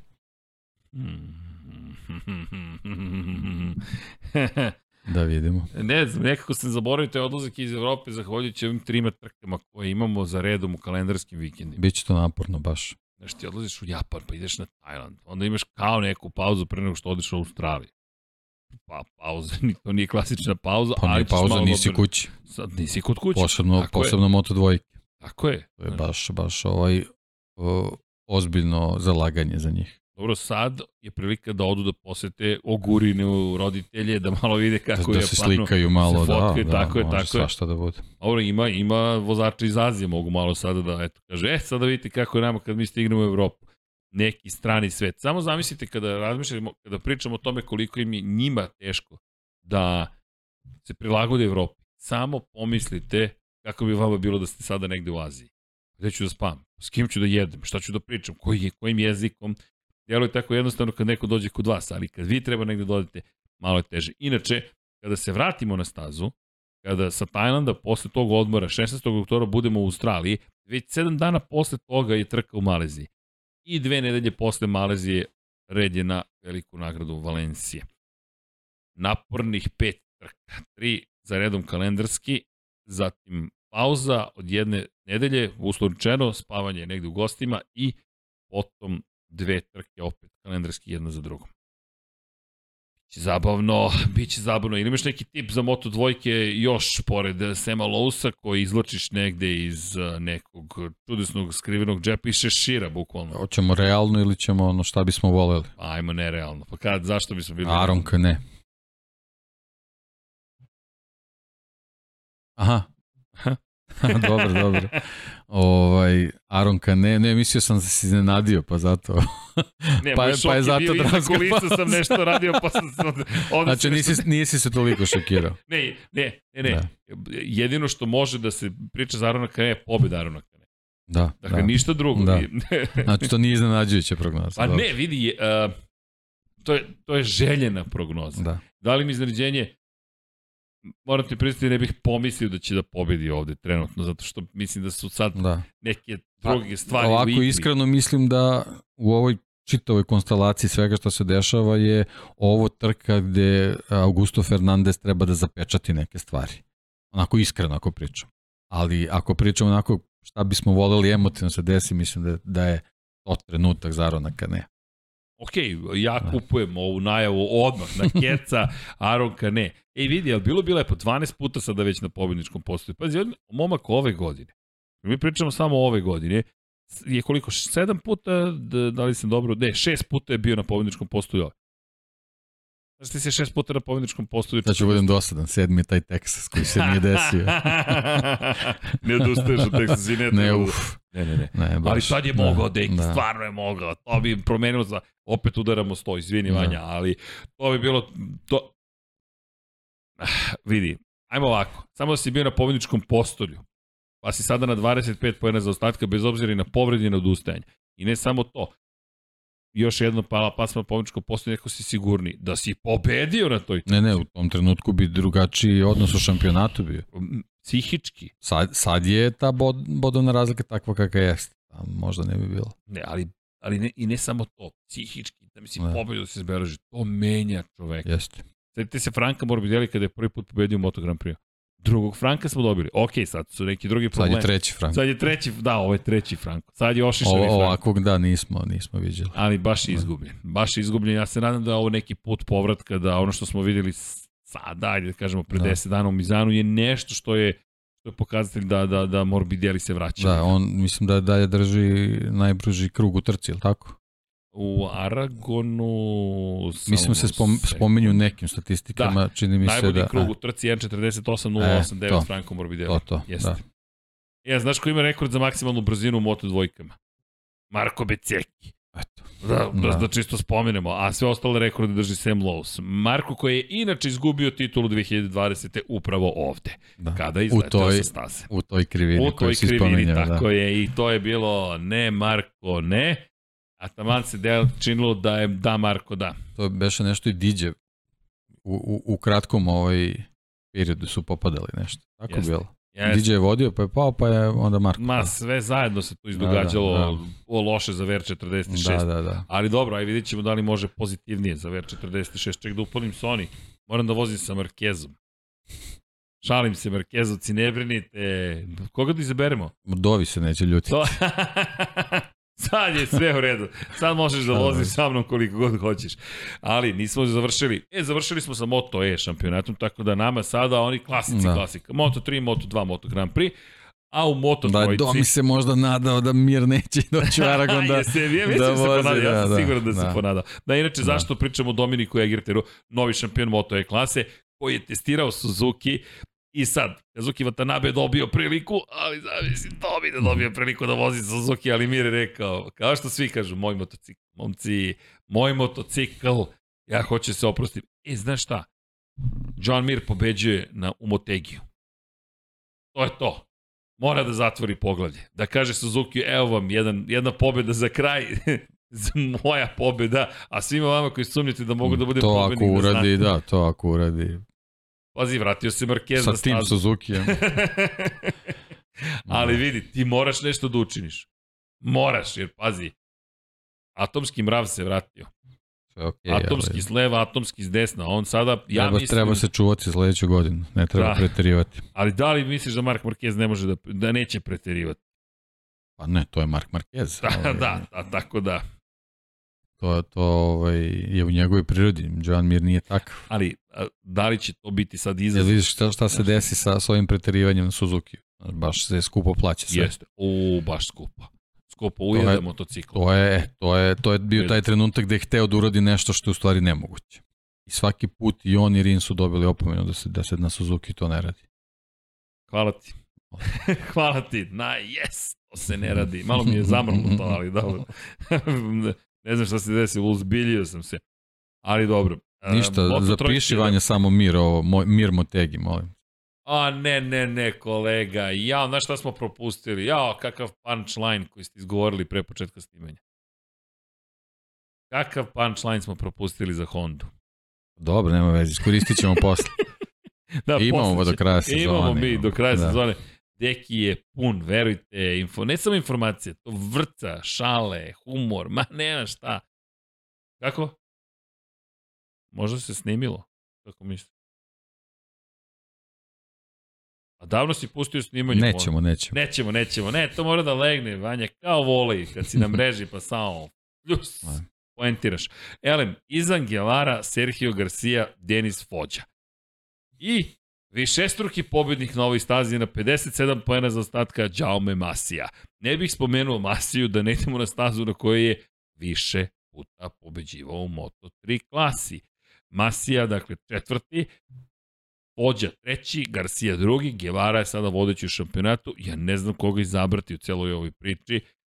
U Velikoj Britaniji prvi Fođa, drugi Masija, na Umizanu drugi, prvi Fođa, drugi Masija, a u Austriji jedan je bio van poena Masija, a Fođa je bio 14, ne 12. oprostite. A umeđu vremenu Guevara nije završio trku u Silverstonu, Garcia nije završio trku u Silverstonu, tuđe greške, ali nisu. U Austriji je jedan bio sedmi, drugi je bio peti, a zatim u Mizanu Guevara treći, a Garcia nije stigao do cilja. Ko osvaja titul? Ja stvarno ne znam ko ovde ostaje titul. Duboko sam verovao u Izana Guevaru. Prvi, treći, drugi, pobeda, pobeda, drugi. I onda, kada je došao moment kada on treba da vodi u šampionatu, nešto se A desilo. dobro, ali u ovim moto trojkama stvarno ovaj, je, je dominacija teška i, i jako je teško biti u formi šampionskoj čitave sezone, posebno zbog, zbog broja rivala s kojima moraš da, da se boriš. Jednostavno mora u nekom trenutku da se desi pad i ovaj, nama je to samo ono kako bih rekao, plus jedan da, da dobijemo neku, neku zanimljiviju priču. Stvarno su u jednom trenutku delovali da će se ovaj, Guevara i Garcia odvojiti i da će bukvalno samo oni da, da odlučuju o tituli, ali kao što smo videli prošle sezone gde je jedan momak dominirao, to baš ne biva tako, nije to tako lako, tako da ovaj, uh, mislim da ćemo do, do, do nekog finiša sezone imati tu borbu. E sad, što se tiče Aragona, već si hmm. rekao, znači imamo višestrukog pobednika, imamo Serhija Garciju koji poput Sema Lovsa u gomili kategorija na ovoj stazi drži neke rekorde. Ovaj, imamo Fođu koji je pobednik od prošle godine. Jeste. Imamo Izana Guevaru koji isto je ovde milijardu puta vozio. Tako da to su sve momci koji, koji mogu da ovaj, konkurišu za pobedu, ali ovog puta će pobediti Denis Onđu. Opa! E sad sam šokiran. Dakle, Denis Ondžu, pa okej, okay, Deki. Kada Deki pa kaže ne, kad smo krenuli, ajmo da... Ajmo do kraja. Da, da, da. A znaš ko stvarno pobeđuje u Moto2? Pedro Acosta. Dobre. Što je najgore, to je moguće. Što je najgore, to... Pa da, to je neka lepa filmska priča. to je, da. što je naj, na, naj, najgore, da. najlepše, da, to je staza moguće. koja ga ujela prošle godine u njegovoj briljantnoj sezoni.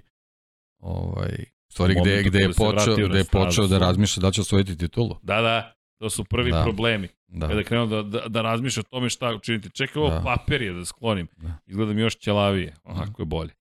Ovako, e sad sam zaista uh, Jean-Luc Picard. Samo sa strane imam kosu. Ništa nije preživao. Znaš šta bi radio Svinja Banjac, da. izvini? Znaš koliko je nepristojan bio? Prvo me fotografiji su dok vozim, pa se vidi ćela, Tako sam ti prepoznao. Si provalio? Pa da. Šta je učinio? Zlotvor.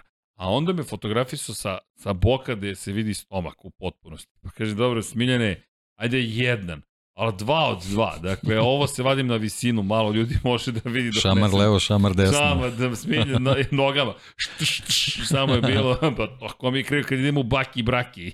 Ja sam sa njima dvojica uhvatio u koštac. A ja sve kao ozbiljan radijska emisija. Gleda mi Igor i kako razmišljam, mm. bože, bože, koliko preozbiljno je shvatio sve ovo, ali sam im pročito pitanje i preživeo. To je neka druga priča, Dobre. ali dobro. Ali dobro, kada pričamo o Moto trojkama, dakle, Denis Onđo pobeđuje, ok, neki, nisam, nisam ovaj, otišao tako daleko, ali sviđa mi se usvojeno, neću ništa da dodajem na svet, ne celu to priču. Samo bih rekao, po, obratite pažnju na Daniela Olgada, Olgado zna ovu stazu, isto Olgado, Guevara. Katsuki Suzuki. Ili standardno. Ti momci s tim brzim motociklima zbog tog zadnjeg pravca, ti Leopardi. Da. To će biti zabavno. Diogo Morira. Ali zabavno da. će biti ispratiti da. zadnji pravac u, u kontekstu ovog rata koji se vodi između KTM-a i Honda i videti ko će tu biti brži. Jer mislim da će to takođe i otkriti gde stoje stvari u, celoj, u, u, u celom Moto3 šampionatu da pogledaš, Leopardovci su vratili brzinu i mi imamo sada situaciju u kojoj nije baš tako kao što je bilo. U jednom momentu su baš bili lep, lepo ispred njih na KTM-ovima vozači. Sad, da li ove žalbe Leopardo su urodile plodom, nisu, ne znam, ali ukoliko neko zna kako se igra, igra gospodin Miodrag Kotor zna šta treba da se učini u kom trenutku i igra i dalje igra šah. Gledaš Ferrarijevog čoveka, ali ne ovog Ferrarija, nego onog Schumacherovog Ferrarija, kako igra igru i kažeš respekt poštovanje i zaista mislim da Le Leopard koji je rekao ljudi manje više smo sami u ovoj igri, dakle to je poslednji pravi predstavnik Honda, mi čak ne možemo da šta, šta pričamo, Honda Timo Azije koji ne može da se kvalifikuje među vodećih 15, nemaš nijednog predstavnika Honda više, osim Leoparda koji zaista tu na jednom vrlo visokom nivou. KTM je mudro pokupovao vozače, pokupovao timove, nametnuo se, uveo različite robne marke, jedan kapu, agresivna strategija, ali impresivna strategija. Da, impresivna strategija, dobre ekipe, do, dobri menadžeri tih ekipa i ono, uspesi sa svih strana dolaze, samo, samo gledaš ko će, to, to, ko će to, to da uradi. Pa dobro, da, okej. Okay. Neka. Neki, okay. ostalo mi još da vozim malo po stazi. Da. Još da vozim sa Onđom. Šalim se, da. naravno. Ne da, hoćemo nešto, da trebamo da komentarišemo nešto Superbike, to će imamo, neko da nas pita. Ne, imamo da komentarišemo da. Superbike. Da. Imamo Hoćeš samo da prvo malo da voziš ko intermeco? Pa, pa to kao mali intermeco. Čuj Superbike. Superbike je bio uh, čudan. Gledaš i jedan pada, drugi pada, šta se zbiva od neočekivano. Mada ne, moramo prvo Superbike da promenim, da komentarišem. Ajmo. Da, morate priznati da, da, da, da, da je. Ajmo da ispričamo prvo priču. Dakle, kada govorimo o Superbike šampionatu sveta, bitka velika između Alvara Bautiste, čoveka koji nema titulu u Superbajku, zatim bitka protiv čoveka koji je osvojio titulu, da, titulu prošle godine, dakle Toprak Razgatli Oglu, koji brani titulu, zatim Jonathan Re, šestostrukog legende Superbike. Le, bukvalno da. legende, koja inače startuje sa pol pozicije u prvoj trci. Kreće prva trka, pobeđuje Varo Bautista. Međutim, Razgatli Oglu pravi grešku, završava 11. Izletio sa staze, podigao motocikl, nastavio. 24. završava Johnny Rea, izgubio kontrolu motocikla. Ono da. bi bilo baš zbunjujuće kada Da, on izgubio Johnny... kontrolu, uh, to preki navod ima problem sa, sa kočnicom, s obzirom da je on kralj kočenja, trebalo bi da, da mu verujemo da je, da je da, zaista da, tako je bilo desilo, i, tako je. i generalno što je rekao, m, uh, jednostavno ne, nije imao dobar osjećaj na, na manji kur. To je, to je nešto, mislim, postoje staze koje određenim vozačima ne leže, eto, tako da... Pa, možda nije imao dobar da, osjećaj, da. je pobedio preostale dve trke. Dobro, da, ali, ali Deri... generalno u čitavoj toj priči tog zadovoljstva pobeda uvek ipak je provukao nešto, nešto je, nije baš nije bilo kako treba. Da. Do ovoga. da, da, da. Ali, to je bila prva trka. Druga trka pobeđuje Razgatli Oglu. Drugi je Alvaro Bautista, treći je Johnny Real to je već standardni... To je, to je standardni to je standard, raspored, da. to očekujemo da se desi. Pošto njihove trke su uglavnom 1, 2, 3, 3, 2, 1, 1, 3, 2 ili nešto slično. Ovo se deša. Dolazi sada treća trka. Ko ne završava ovu trku? Alvaro Bautista. Obeđuje razgatli ogu, a peti je Johnny Rea. A da, ali tu je taj, taj jako, jako važan detalj.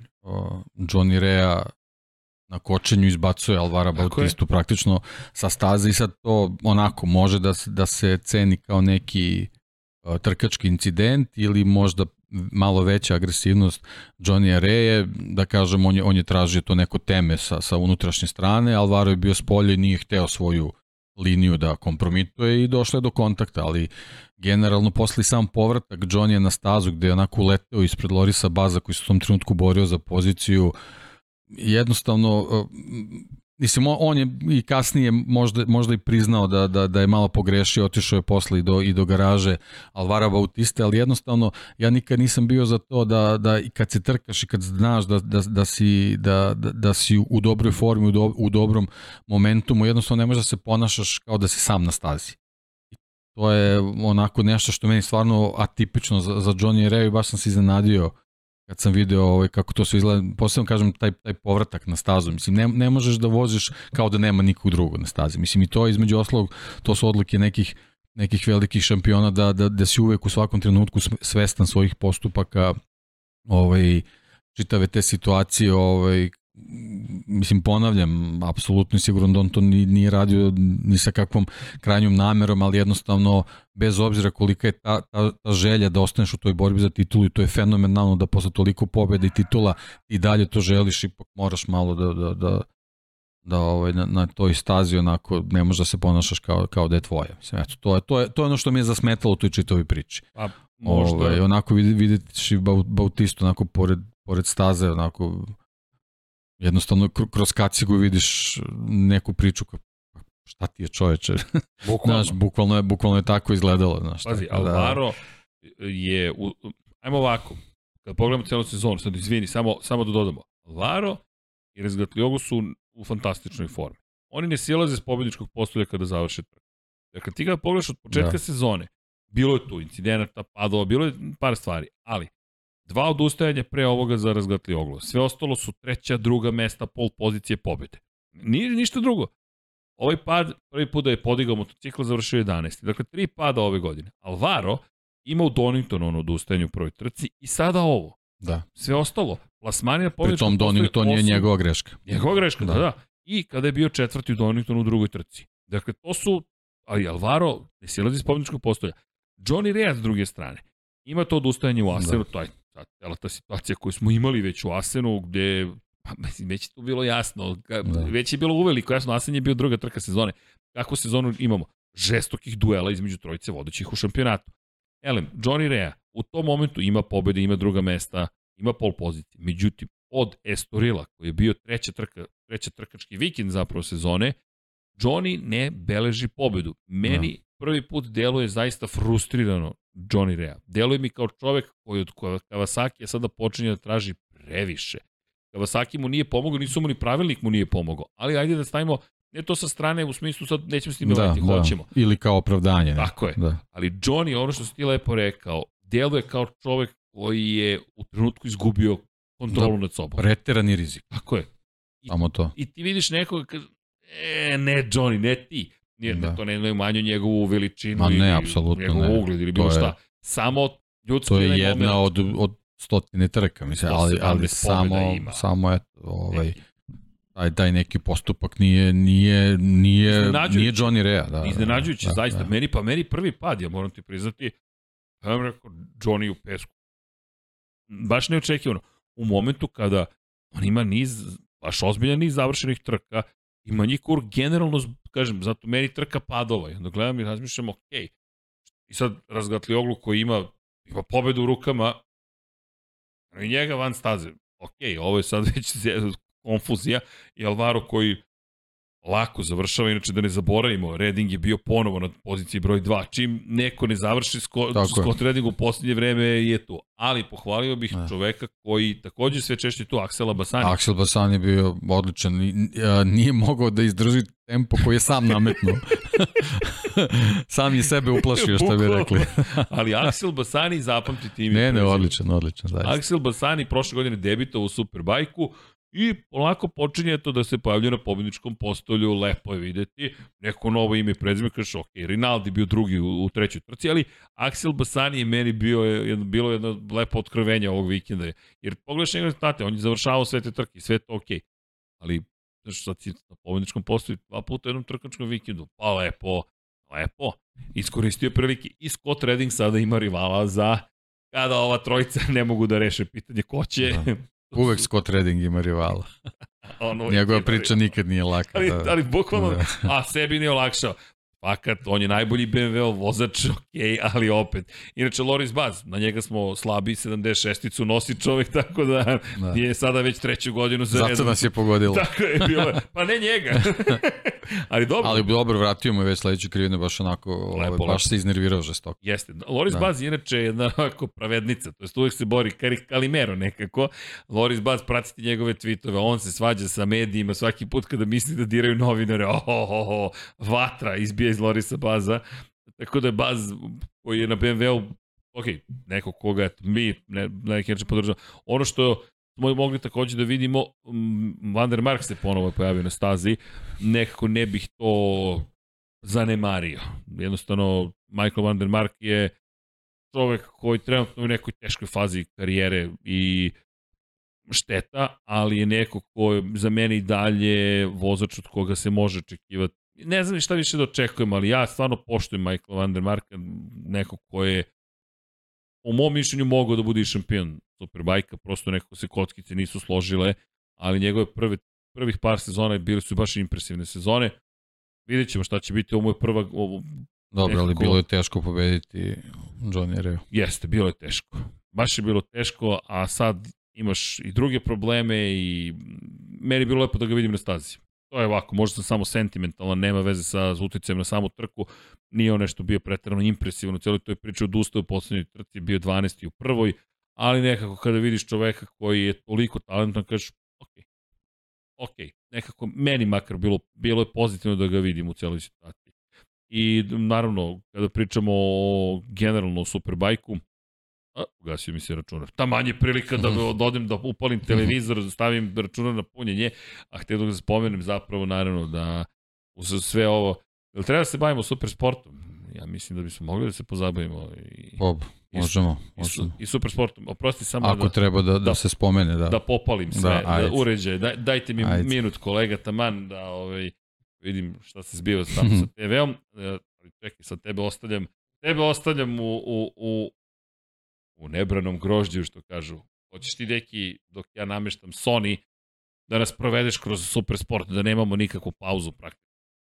Pa dobro, što se tiče super sporta, možda eto samo treba treba spomenuti ovaj vozače koji se i dalje tu bore za, za, za neku ovaj za neku priliku da da se da se osvoji šampionska titula, naravno ovaj Domi Agerter je i tu glavni favorit, mislim, Naravno. jednostavno to je. I zato mi je to bilo kao, šta ako dobije šansu za, za, za Moto Grand Prix, onda kako to da propustiš, opet sa druge strane boriš se za, za šampionsku titulu i znamo koliko on to ovaj, želi zbog čitavih onih gluposti što je pravio ovaj, na, na prethodnim trkama gde, gde nekako dobiješ drugog Domi i Agerter u odnosu na Agertera iz Moto E-a koji, koji u principu uvek kontroliše situaciju, koristi prilike koji mu omogućavaju drugi vozače, dok, dok je vam u supersportu nekako u nekim trkama se onako kao kao da se da, da se ovaj probudi neka neka zver u njemu i onda onda se dešavaju neke neke ovaj drugačije neke nepredviđenije situacije. Međutim ovaj oni i u tom šampionatu i dalje ubedljivo vodi tako da Ali... ovaj na dobrom je putu. Znaš kako kad kad se završi sezona ako ti ovaj budeš neko ko ima dve titule Nije to uopšte, nije to loša situacija, da. Pazi, da. prošle godine osvojio Supersport, nije osvojio Moto E. Sad je već završio Moto E, šampion je, da. ajde vidimo da li može da završi stvari u Supersportu. Međutim, apropo Domija, ajde pitanje, da li ti je onda utisak možda, koliko god da sam slab za, na Moto E klasu, da je to i negde pokazatelj koliko je njemu lakše u kontekstu možda duela koji ima u Moto E klasi ili ne, ima prosto to nešto što je njemu odgovara. Kakav ti utisak, jer mi ne možemo da znamo, pitaćemo ga, ali da li je možda ne pritisak samo, nego svest o tome kakvi su rivali u supersportu. Mada je on u pa supersportu ne znam, pazi, dominantno. U, spor, da, u supersportu, kad pogledaš šampionat, njemu jedini pravi rival Lorenzo Boradlasari, jer Nikolo Bulega čini mi se treći nešto da, 100 ali, bodova gotovo. Ali ne, mislim nije to i dalje nije nešto ono kao možda je dostižno, ali jednostavno samo matematički, mislim pa da, da ipak ali. njih dvojica to dominiraju, tako da ova sezona je malo malo je nezgodno sad ovaj je, rasuđivati koliko je, koliko je on dominantan u smislu da, da ima mogućnost da se bori sa više rivala u dva potpuno različite šampionata. Ali pa, ne znam sad tačno ko, koja je razlika u poenima, ali, ali kad ti pogledaš prva trka u Manjikuru i Baldasarijeva pobeda i da je treći odjednom Dominik Egerter i onda kao čekaj, će se ovdje desiti nešto. I onda dođe druga trka i Baldasari koji je sve trke završio na prvoj i drugoj poziciji završi peti. Da. Čekaj, pa da Lorenzo, pa... Jel... Ali to, vidiš, to je nekako preslikani Moto E, gde, gde ovaj, Eri Granado je iste stvari radio. U trenutku kad treba da pobedi, on ili padne, ili dođe neko kontakta pa bude, ne znam, 15. ili, ili se trka ovaj, počne kiša pa se tri, tri kruga ponište četiri koliko ono asidno bilo da, pa on dobije da, da, da, pola bodova i sve, bodova. sve uvek ide na ruku o, Agerteru tako da jako je teško proceniti ali, ali stvarno ovaj, uh, njegove veličine što se uvek dobro snalazi u svim tim situacijama mislim jednostavno kažem ti ono i ono glupiranje sa onim futbalskim ovaj simuliranjem on je nekako to okrenuo nekako na svoju stranu, to je svima nekako ispalo sim, šala, simpatično, u stvari bila jako ozbiljna, ozbiljna situa ozbiljna situacija. stvar, on je pretvorio to da, da. se samo smeje, samo se smeji, da. smeje, I odjedno da, svi kao, pa dobro, ne veze, da. to je domi. Da. Ali i nije ni to loše, jer niko nije shvatio da taj potez ozbiljno može da se ponovi. Da. Da. Ono što mi se dopalo, da niko od klinaca klinki nije rekao, aha, ovo je način ne, koji ne, motociklizam ne, ide. Ne, ne ide.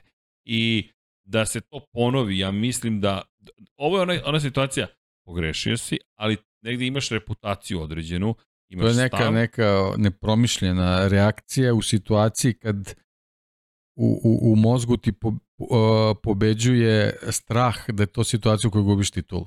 To je u stvari to samo to. pokazatelj koliko on želi da osvoji, da, koliko mu je stalo da osvoji tu super sport titulu. Sad vidjet ćemo sad i, ovo, i ove, ove prilike za testiranje Moto Grand Prix, da će tu sad nešto probuditi neku njegovu želju da, da iskoristi uh, ove neke titule koje osvaja i sledeće godine dolazak Ducatija u, u, u Moto E, da li će on ostati tamo, kako će to sve biti, da li će biti u situaciji da brani titul, da li ćemo to u stvari omogućiti, da li ćemo to u stvari omogućiti da, da možda dođe u priliku da ga vidimo u Superbajku ili ne znam sad Moto Grand Prix je stvarno onako teško je razmišljati o tome, ali eto, neka pozicija u Superbajku za Domija mislim da bi onako bila, bila baš dobra, dobra situacija. Ajde, desilo se nešto pozitivno u kontekstu drugih vozača u Francuskoj. Federico Cari, Karikazulo je osvojio pol poziciju za Supersport. Što se ove godine nije desilo da nije Lorenzo Baldassari ili Dominik Egerter. Dakle, to je ono što je bilo da. fascinantno, šta se nije promenilo. Još uvek su jedini pobednici ove godine Baldassari i Dominik Egerter. Domi da. je imao devet pobjeda za redom. I onda sad taj, taj niz koji je napravio u mostu dve pobede bez jednog poena Dominik u Češkoj dolaziš u Francusku, ponovo pobeđuje Lorenzo Baldassari, neko drugi je svoju pol da. poziciju, ti kažeš čekaj. Ti misliš da je biva. Dom još umoran od stavlja. Od, I onda od druga trka, da. čekaj, samo polako, polako, pridržite mi sek. Dobro, mala je razlika, mislim, stvarno, ovaj, da. Hold my sek. Da. da, ne znam, ne, ne znam šta je.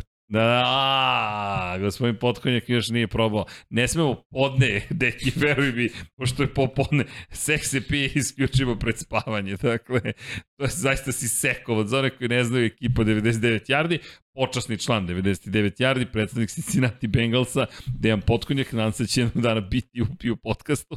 Ali, da, napravili smo dogme za, zajedno sa nama u kolaboraciji stvorila sek, Jel te, to je jedan potez obaranja uglavnom kvotrbeka iz ovih nije skrimidža u kojem se gubi napad. Dakle, da ne ulazim sad u to, ali 9,9% alkohola, mnogi bi šta je to? Ljudi, pitko je to ono što je najveća stvar sa sekom. A vrlo je pitak, ali zaista udara kao sek. Ali tako da seče. Da, seče, sekče, tako da samo polako. Ali, ne, ne, nije termin ise, i, i, iseko, isekovo sam se, tako da je, da, to je terminologija koja mora da se usvoji. Ali, nemoj da pijete i da vozite, nikada popijete ključevi sa strane ili nekome ko je trezan, neko ko nije pio uopšte, taksi, cargo, neko drugo prevozno sredstvo. Moje ima opcija koliko ima. hoćeš. Ima, peške možete takođe, mada je pametnije da sednete i platite nekom da vas odveze. Uvek pare, pare možete zaraditi. Pare možete, vreme ne možete vratiti unazad. Tako da, pamet u glavu, imate i safety ridera i tako dalje. Elem, probat ćeš, ja se nadam, sek, pa taksijem idemo ti ja, ako nađemo gde treba da idemo. U svakom slučaju, Super Sport, Domi sada ima prednost od 19 pojena, ponovo, da, ali kažete, najveći meni, ne, Baldasari mi iznervirao iskreno. Gledam Baldu i razmišljam, da li je moguće da će ponovo biti pet? Da će sada biti pet. Tri pobjede za redom. Nisi ni jednom bio ispod treće ili druge pozicije. Jednom je bio treći u Estorilu. Sve ostalo su druga mesta i pobjede. I sad kad moraš da... Ne, ne, evo sad ću da pogrešim i izgubiš 14 poena. Od 19 koliko zaostaješ. Ali dobro, Balda, dobro, ima još na Balda. Da. Ima. Bulega, Gian Onđu, tu su Stefano Manci, lepo vidjeti na prethodnoj trci čoveka koji je iz ovog šampionata. I ono što smo vidjeli, Glyn Van Stralen, moram ti priznati da nisam previše pratio njegovu karijeru do me drugog mesta u Asenu, ponovio je taj uspeh i sada, pa eto, lepo ga je bilo vidjeti a Federico Caricasulo, koji je startao sa pol pozicije i završio trku, je bio deveti. Hoćemo malo da vozimo. Ja mislim da je vreme. Ja mislim da je vreme za vožnju. Dakle, šta smo rekli? Da li ćemo da... Opa! Select Rider. Šta si rekao? Andrea Doviciozo. Da, jadni Dovi. Šta ako te sad iznenadim i odvezem spektakularno dobro? Ne brini, znamo svi da se to neće dogoditi. Uh, koleginici iz prodaje... da te gledate sa nevericom. Da, da, gledajte, stvarno si me ponovo izabrao. A možete da kliknete uh, on za audio. A jeste? Ne čujemo. Ne čujemo da nije, ne znamo šta se desilo. Nadamo se da vi imate zvuk. Ja ću se sad praviti da sve ostalo odsustvo zvuka. Ali možda nije aktiviran audio na na, na, na ne na tome, nego u VMX-u pošto testiramo VMX, OBS, levo, desno, pa eto. Inače, pozdrav za Matiju Zorića koji običu da će me naučiti da vozim. Nije tu, ali eto, ja se nadam da će me naučiti da vozim. Najjače kočenje. Dobro. Ovde sam ja malo prerano. Sam sam pipnuo izlaz sa staze. Okej. Okay.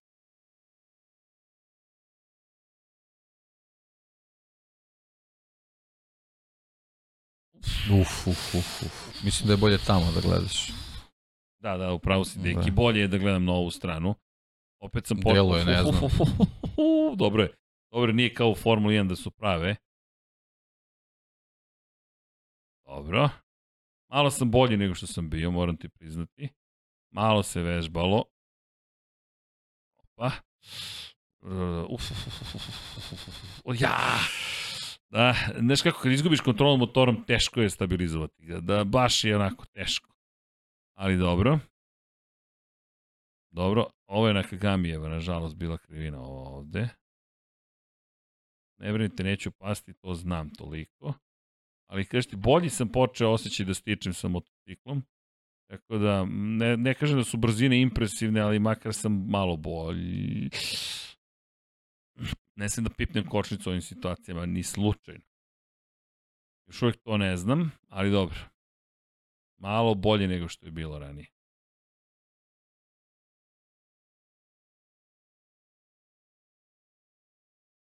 Ah.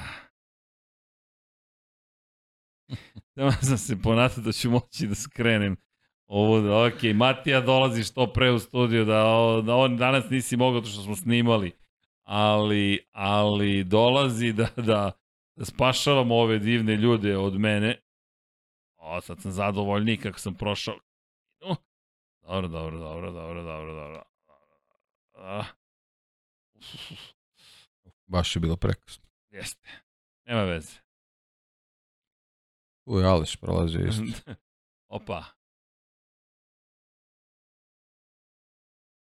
Idemo ovamo. Dobro. Tu je Marquez Sekovo Pedroso. Jeste. ok, ovde, ovde, e, ovde će biti pokušaja. Ova 14. krivina je zanimljiva. Nije nemoguće preticati i onda ide naravno... Tu Peko zna da se brani. Tu Peko i tekako zna da se brani, a onda pun gas. Ovde ćemo i da kliknemo trokut, da vidimo šta možemo da uradimo. O, ne, opet sam, opet sam pogrešio. Opet hvatam pogrešan joystick. Ali sam se... O, drugari, vratio sam se u igru. Dobro. Ovde čak sam sebi dozvolio da malo prokli za zadnji kraj. Deki, kažem ti, polako počinjem da, da učim malo bolje da vozim. Ovo je ta čuvena krivina u desno. Uh, i, I pokušao sam da se odviknem vožnje kao da je, kao da je automobil. Ono što si mi ti da, da, da. Ne znam da primećuješ drugačije mm -hmm. koči sada. I odmah... Ma bio je leg dangle malo pre. Jesi, A, jesi primetio? Ozbiljan, da, da. da. U, ovde kad mi pobegne krivina, ali... Ovde ti je bitno samo da ne odeš na šljunak. To, to, to, to, to. Idemo, op, op, op, op, op. E sad malo kočenje ranije, malo sam stiljiv ovde. Ali dobro, nije loše. Nije loše. Dobro. Dovi će biti zadovoljan. Pazi, ovde sad već može i da kaže dobro. Nije toliko grozno. Dobro, malo ću Dobro, širi. Duži krug. Da tako je, dobro, malo vežbamo sve. I malo više puštam gas, ne oslanjem se samo na kočnicu, već i na još proklizavanja malo ima. Ovde sad već prošli put sam naučio ah, ah, ah, ah. Uh, dobro, nisam presekao previše. Mislim da ovo pristojno bilo. Ej, deki, a? Da, da, pa ne tremice gledam. Okay. Op, op, dobro. A, ne, ne, dobro je. A, opa. Op, op, op, op, ajmo. I trougao. I uključen, spustio sam. Još to da počne malo da koristim i nismo tako grozni. Mm, da, šta kažeš?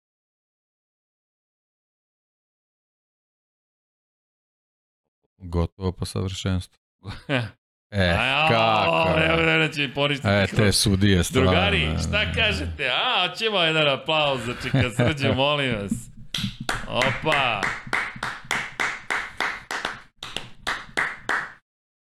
Dobro, delo je bolje, nemam pojma šta sam uradio, ali... Ne znam šta mi se desilo za ovih 7 dana, 10 koliko. Pa verovatno 300 sati vežba. Možda je neko ovo nameštao nešto na, na, na Sonyu sam, pa sam sad bolje nego što bi trebalo da budem. Ali, okej. Okay. Dobro. Možda je staza tako, možda nije toliko Opa! teška. Dobro, ipak da. dokaz da je do mene.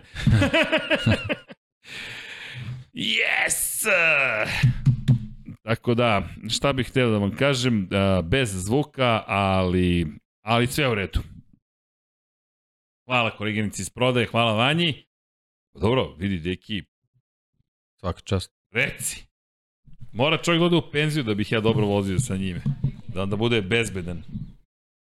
Deki neće, ne neće. Ne, Deki, Deki pristojan prema vozačima. De, deki, deki, deki, demon, on se sprema, sad ti kažem. On se sprema kad, kad me ošuri negde u, u nekoj trci u budućnosti. Kad, kad bude rekao mogu neće da vozim. Neće to biti skoro. ne stižeš, a?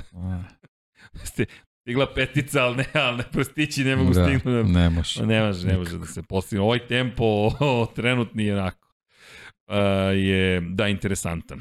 Elem, Deki, su nešto zaboravili. Fantazi.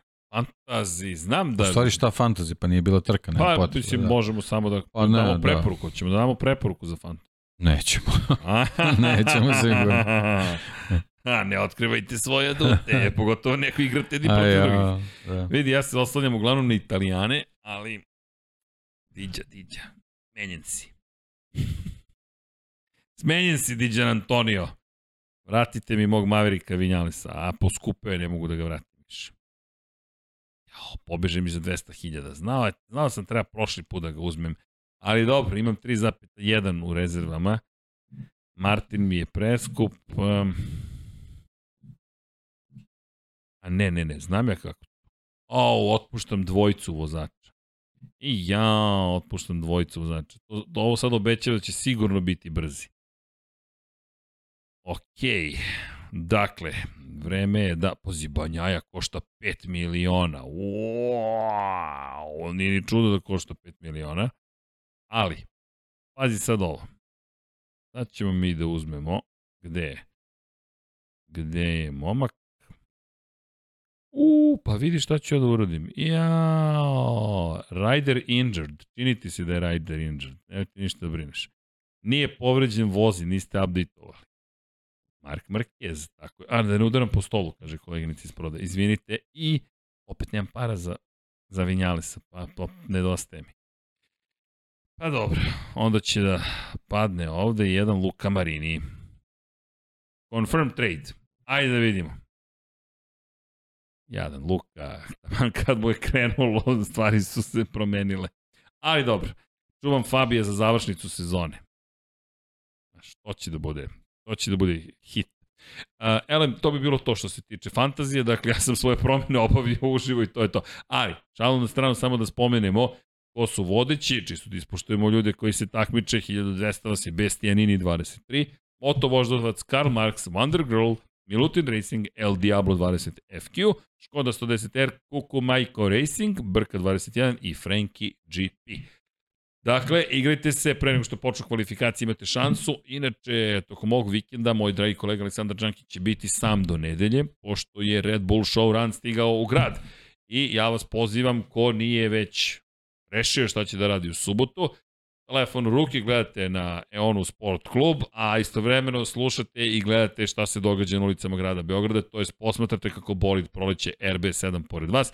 Otvoren je pristup, dakle, tribine su tu za one koji žele da sede i imaju siguran pogled na događanja. Od 13 časova stvari kreću, do 15 i 15 program traje, četiri puta će bolid Formula 1 izaći na stazu i ja se nadam da ćete uživati. Drift Brothers stižu sa BMW-om M4 u 82 verzije, tako da, ako sam ja dobro zapamtio koji su pripremili, u svakom slučaju trebalo bi bude, ako se ja ne varam, najnovija verzija i stigao je već Da vidimo da li je to tako.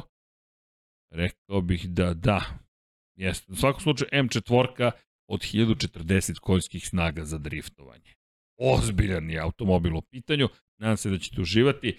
Kada je reč o stant vožnjama, imaćemo i tu priliku da uživamo zaista u jednom lepom programu i ja vas pozivam da dođete na ulici grada Beograda, da uživate Ponavljam još jednom, otvoren je program, ne morate da kupujete ulaznice da biste prisustovali, ali ukoliko želite zagarantovana mesta i da gledate Davida Kultrada kako vozi ulicama grada Beograda, toplo vam preporučujem da odete na tickets.rs.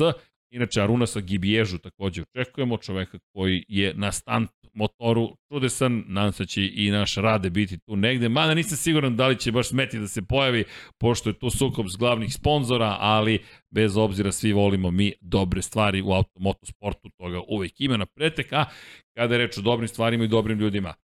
UNICEF 9656 200 ili 500 poruka svakoga meseca ćete plaćati 200 ili 500 dinara, dakle ponavljam još jednom svakoga meseca, ukoliko želite na drugi način da pomognete 30-30, takođe pošaljite poruku ili pomozite nekom ili generalno budite dobri, budite, budite pa, mislim, lepi, dobri, pametni, veseli i radite dobru stvar. To je jedino što mogu pametno da vam kažem.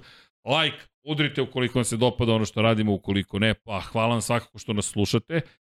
Subscribe, nije loše. E, idemo ka 20.000 subscribera, tako da su to neke lepe stvari i nadam se da ćemo uskoro doseći taj broj. Lep je broj, prosto koliko god da ne patimo od toga, lepo je kad vidite takve stvari, kažete, čekaj, 20.000 ljudi želi da bude obavešteno kada mi nešto radimo. Wow, wow, to je cijela, cijela dvo, dvo, ne jedna dvorana, to je poveća dvorana, tako je to zaista impresivno.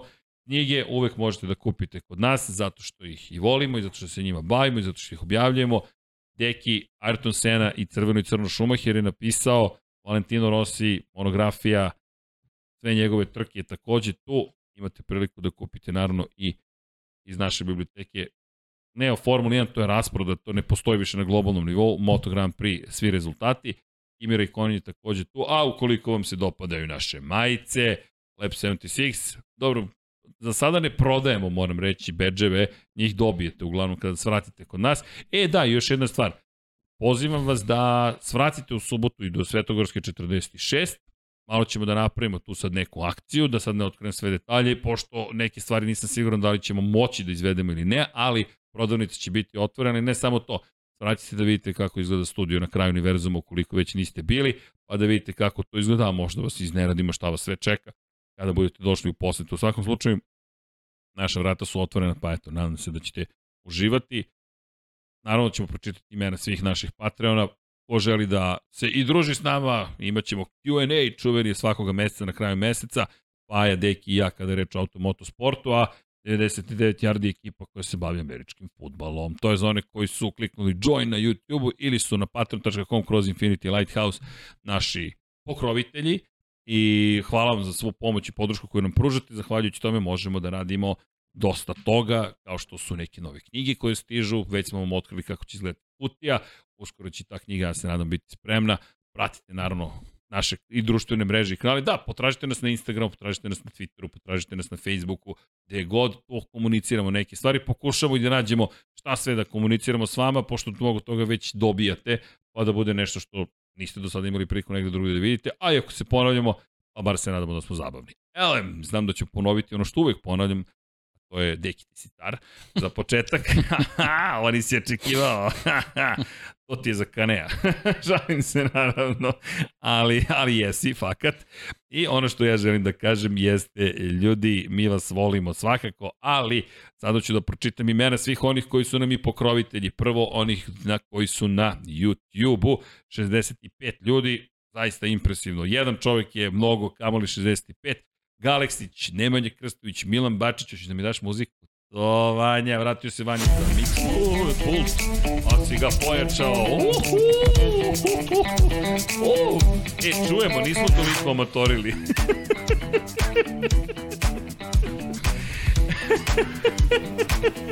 E, da ste vidjeli kako smo svi poskočili. Uključujući i Vanju koji ima iste slušanje. O, šok. Ako ste vi poskočili, žao nam je, ali udrite like.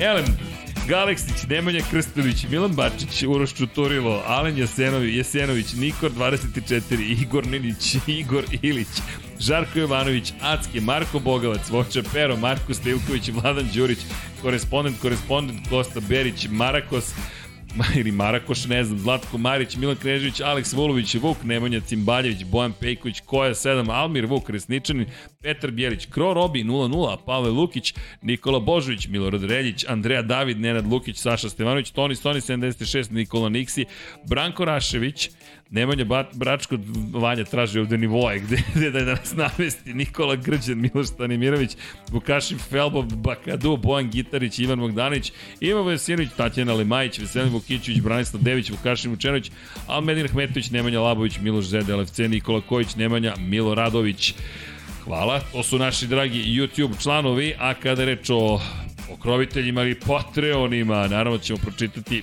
kao što vidite, i dalje se trudimo da čitamo, ne trudimo i dalje čitamo, jer to je neko pravilo koje smo uvili i naravno je bez veze da ne pročitam imena svih divnih ljudi koji nas podržavaju, a mnogo vas je.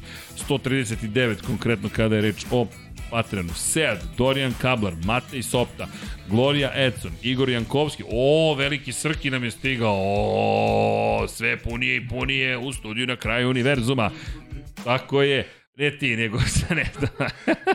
To ti zbog majice, lepo ti je Paja sve objasnio, to su samo majice, ništa drugo.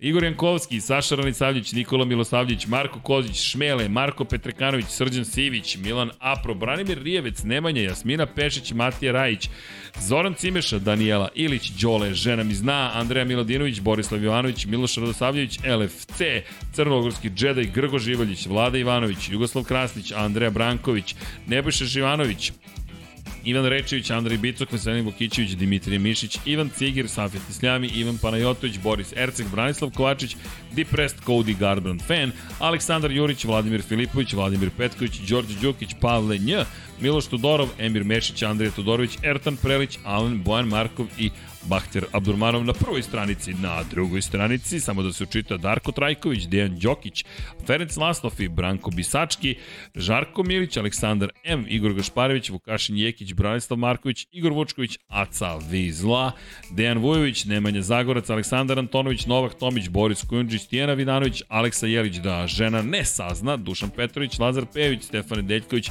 Nemanja Jeremić, Alen Vuletić, Zoran Majdov, Nikola Stojanović, Jasenko Samarđić, Bojan Majstorović, Anton Antonio Novak, Stefan Milošević, Miroslav Cvetić, Đole, Broncos, oh, Broncosi, Broncosi potonuše protiv Seahawksa, ali pričat ćemo o tome, Ognjen Marinković, Vukašin Vučenović, Nemanja Miloradović, Marina Mihajlović, Dušan Ristić, Miloš Vuletić, Luka Manitašević, Zorana Vidić, Marko Horg, Boris Golubar, Mirena Živković, Josip Kovačić, Andrej Božok, Boris Gvozden, Nenad Simić, Petar Relić, Bojan Mijatović, Milan Nešković, Na poslednjoj stranici scrollovanja, to jest e, kliktanja levo-desno, Borko Božurović, Marko Ćorčić, Mlađan Antić, Kristijan Šestak, Stefan Vidić, Ivan Žorž, Luka Savić, Jelena Mak, Goša 46, Kovačević, Omer, Monika Erceg, Nenad Đorđić, Nikola Božinović, Filip, Mihajlo Krgović, Đorđe Radović, Predrag Simić, Ivan Simunović, anonimna osoba, Zoran Šalamun, zatim Aleksa Vučaj, pa Miloš Banduka, očigledno anonimna osoba nije Zoran Šalamun, ali tako nekako ispadne, nego pre njega jedna anonimna osoba, Miloš Banduka, Mario Vidović, Zoltan Mezeji, Stefan Lešnjak, Ivan Maksimović, Toni Ruščić, Milan Đurđević, Marko Bogovac, Nikola Grujičić, Marko Mostarac, Mladen Krstić, Marko Čuković, Stefan Durić, Ivan Toškov, Sava Dugi, Jelena Jeremić, i Ozren Prpić. Ovo je bio Lab 76 broj 232. Imamo još nekoliko izdanja da dođemo zaista do 232. izdanja. Pita me Petar pre neki dan kada je postavljao na tranzistor sve za zapravo podcast platforme. Kaže, Srki ima manje epizoda nego što je broj. Znam, Petre, ne staj mi na muku. Desit će se i one, pratite ove kanale, počeli smo da ostvarujemo i neke obećanja stara dve godine. Kasnimo, ali završamo posao, Deki će se jednog dana zatvoriti ovde i zabraniti mi ulaz u studiju da više bilo šta izgovorim jer ne može da veruje. Ali, ljudi, mi ne bežimo od sobstvene odgovornosti ili od sobstvenih grešaka, prosto to je put napretka, pogrešimo pa ispravimo te greške Kao što se nam da ćete vidjeti ove jeseni, uzbodljiva jesen nas čeka, uzbolje će biti septembar, 17. septembra, Red Bull Show Run, Formula 1 u Beogradu, a Lab 76 u Crnoj Gori, zato što naš ambasador odlazi u Crnu Goru, tako da možda ko zna, možda budemo pravili nešto u Crnoj Gori, ukoliko želite tako nešto, samo se javite ljudi, mi ćemo svakako da slušamo, možda i uspemo sve da ispunimo, šalim se, uspećemo mi to jer smo mi jedna uporna ekipa, da prestanem da udaram po stolu, udrite like, da, pre, da nastavim da udaram po stolu, udrite subscribe, ali ljudi, mi vam želimo lepo ostatak dana, večeriš, kada god ovo da gledate i mi vas volimo, deki, srećan put, a sada, Ćao, Ćao svima! svima!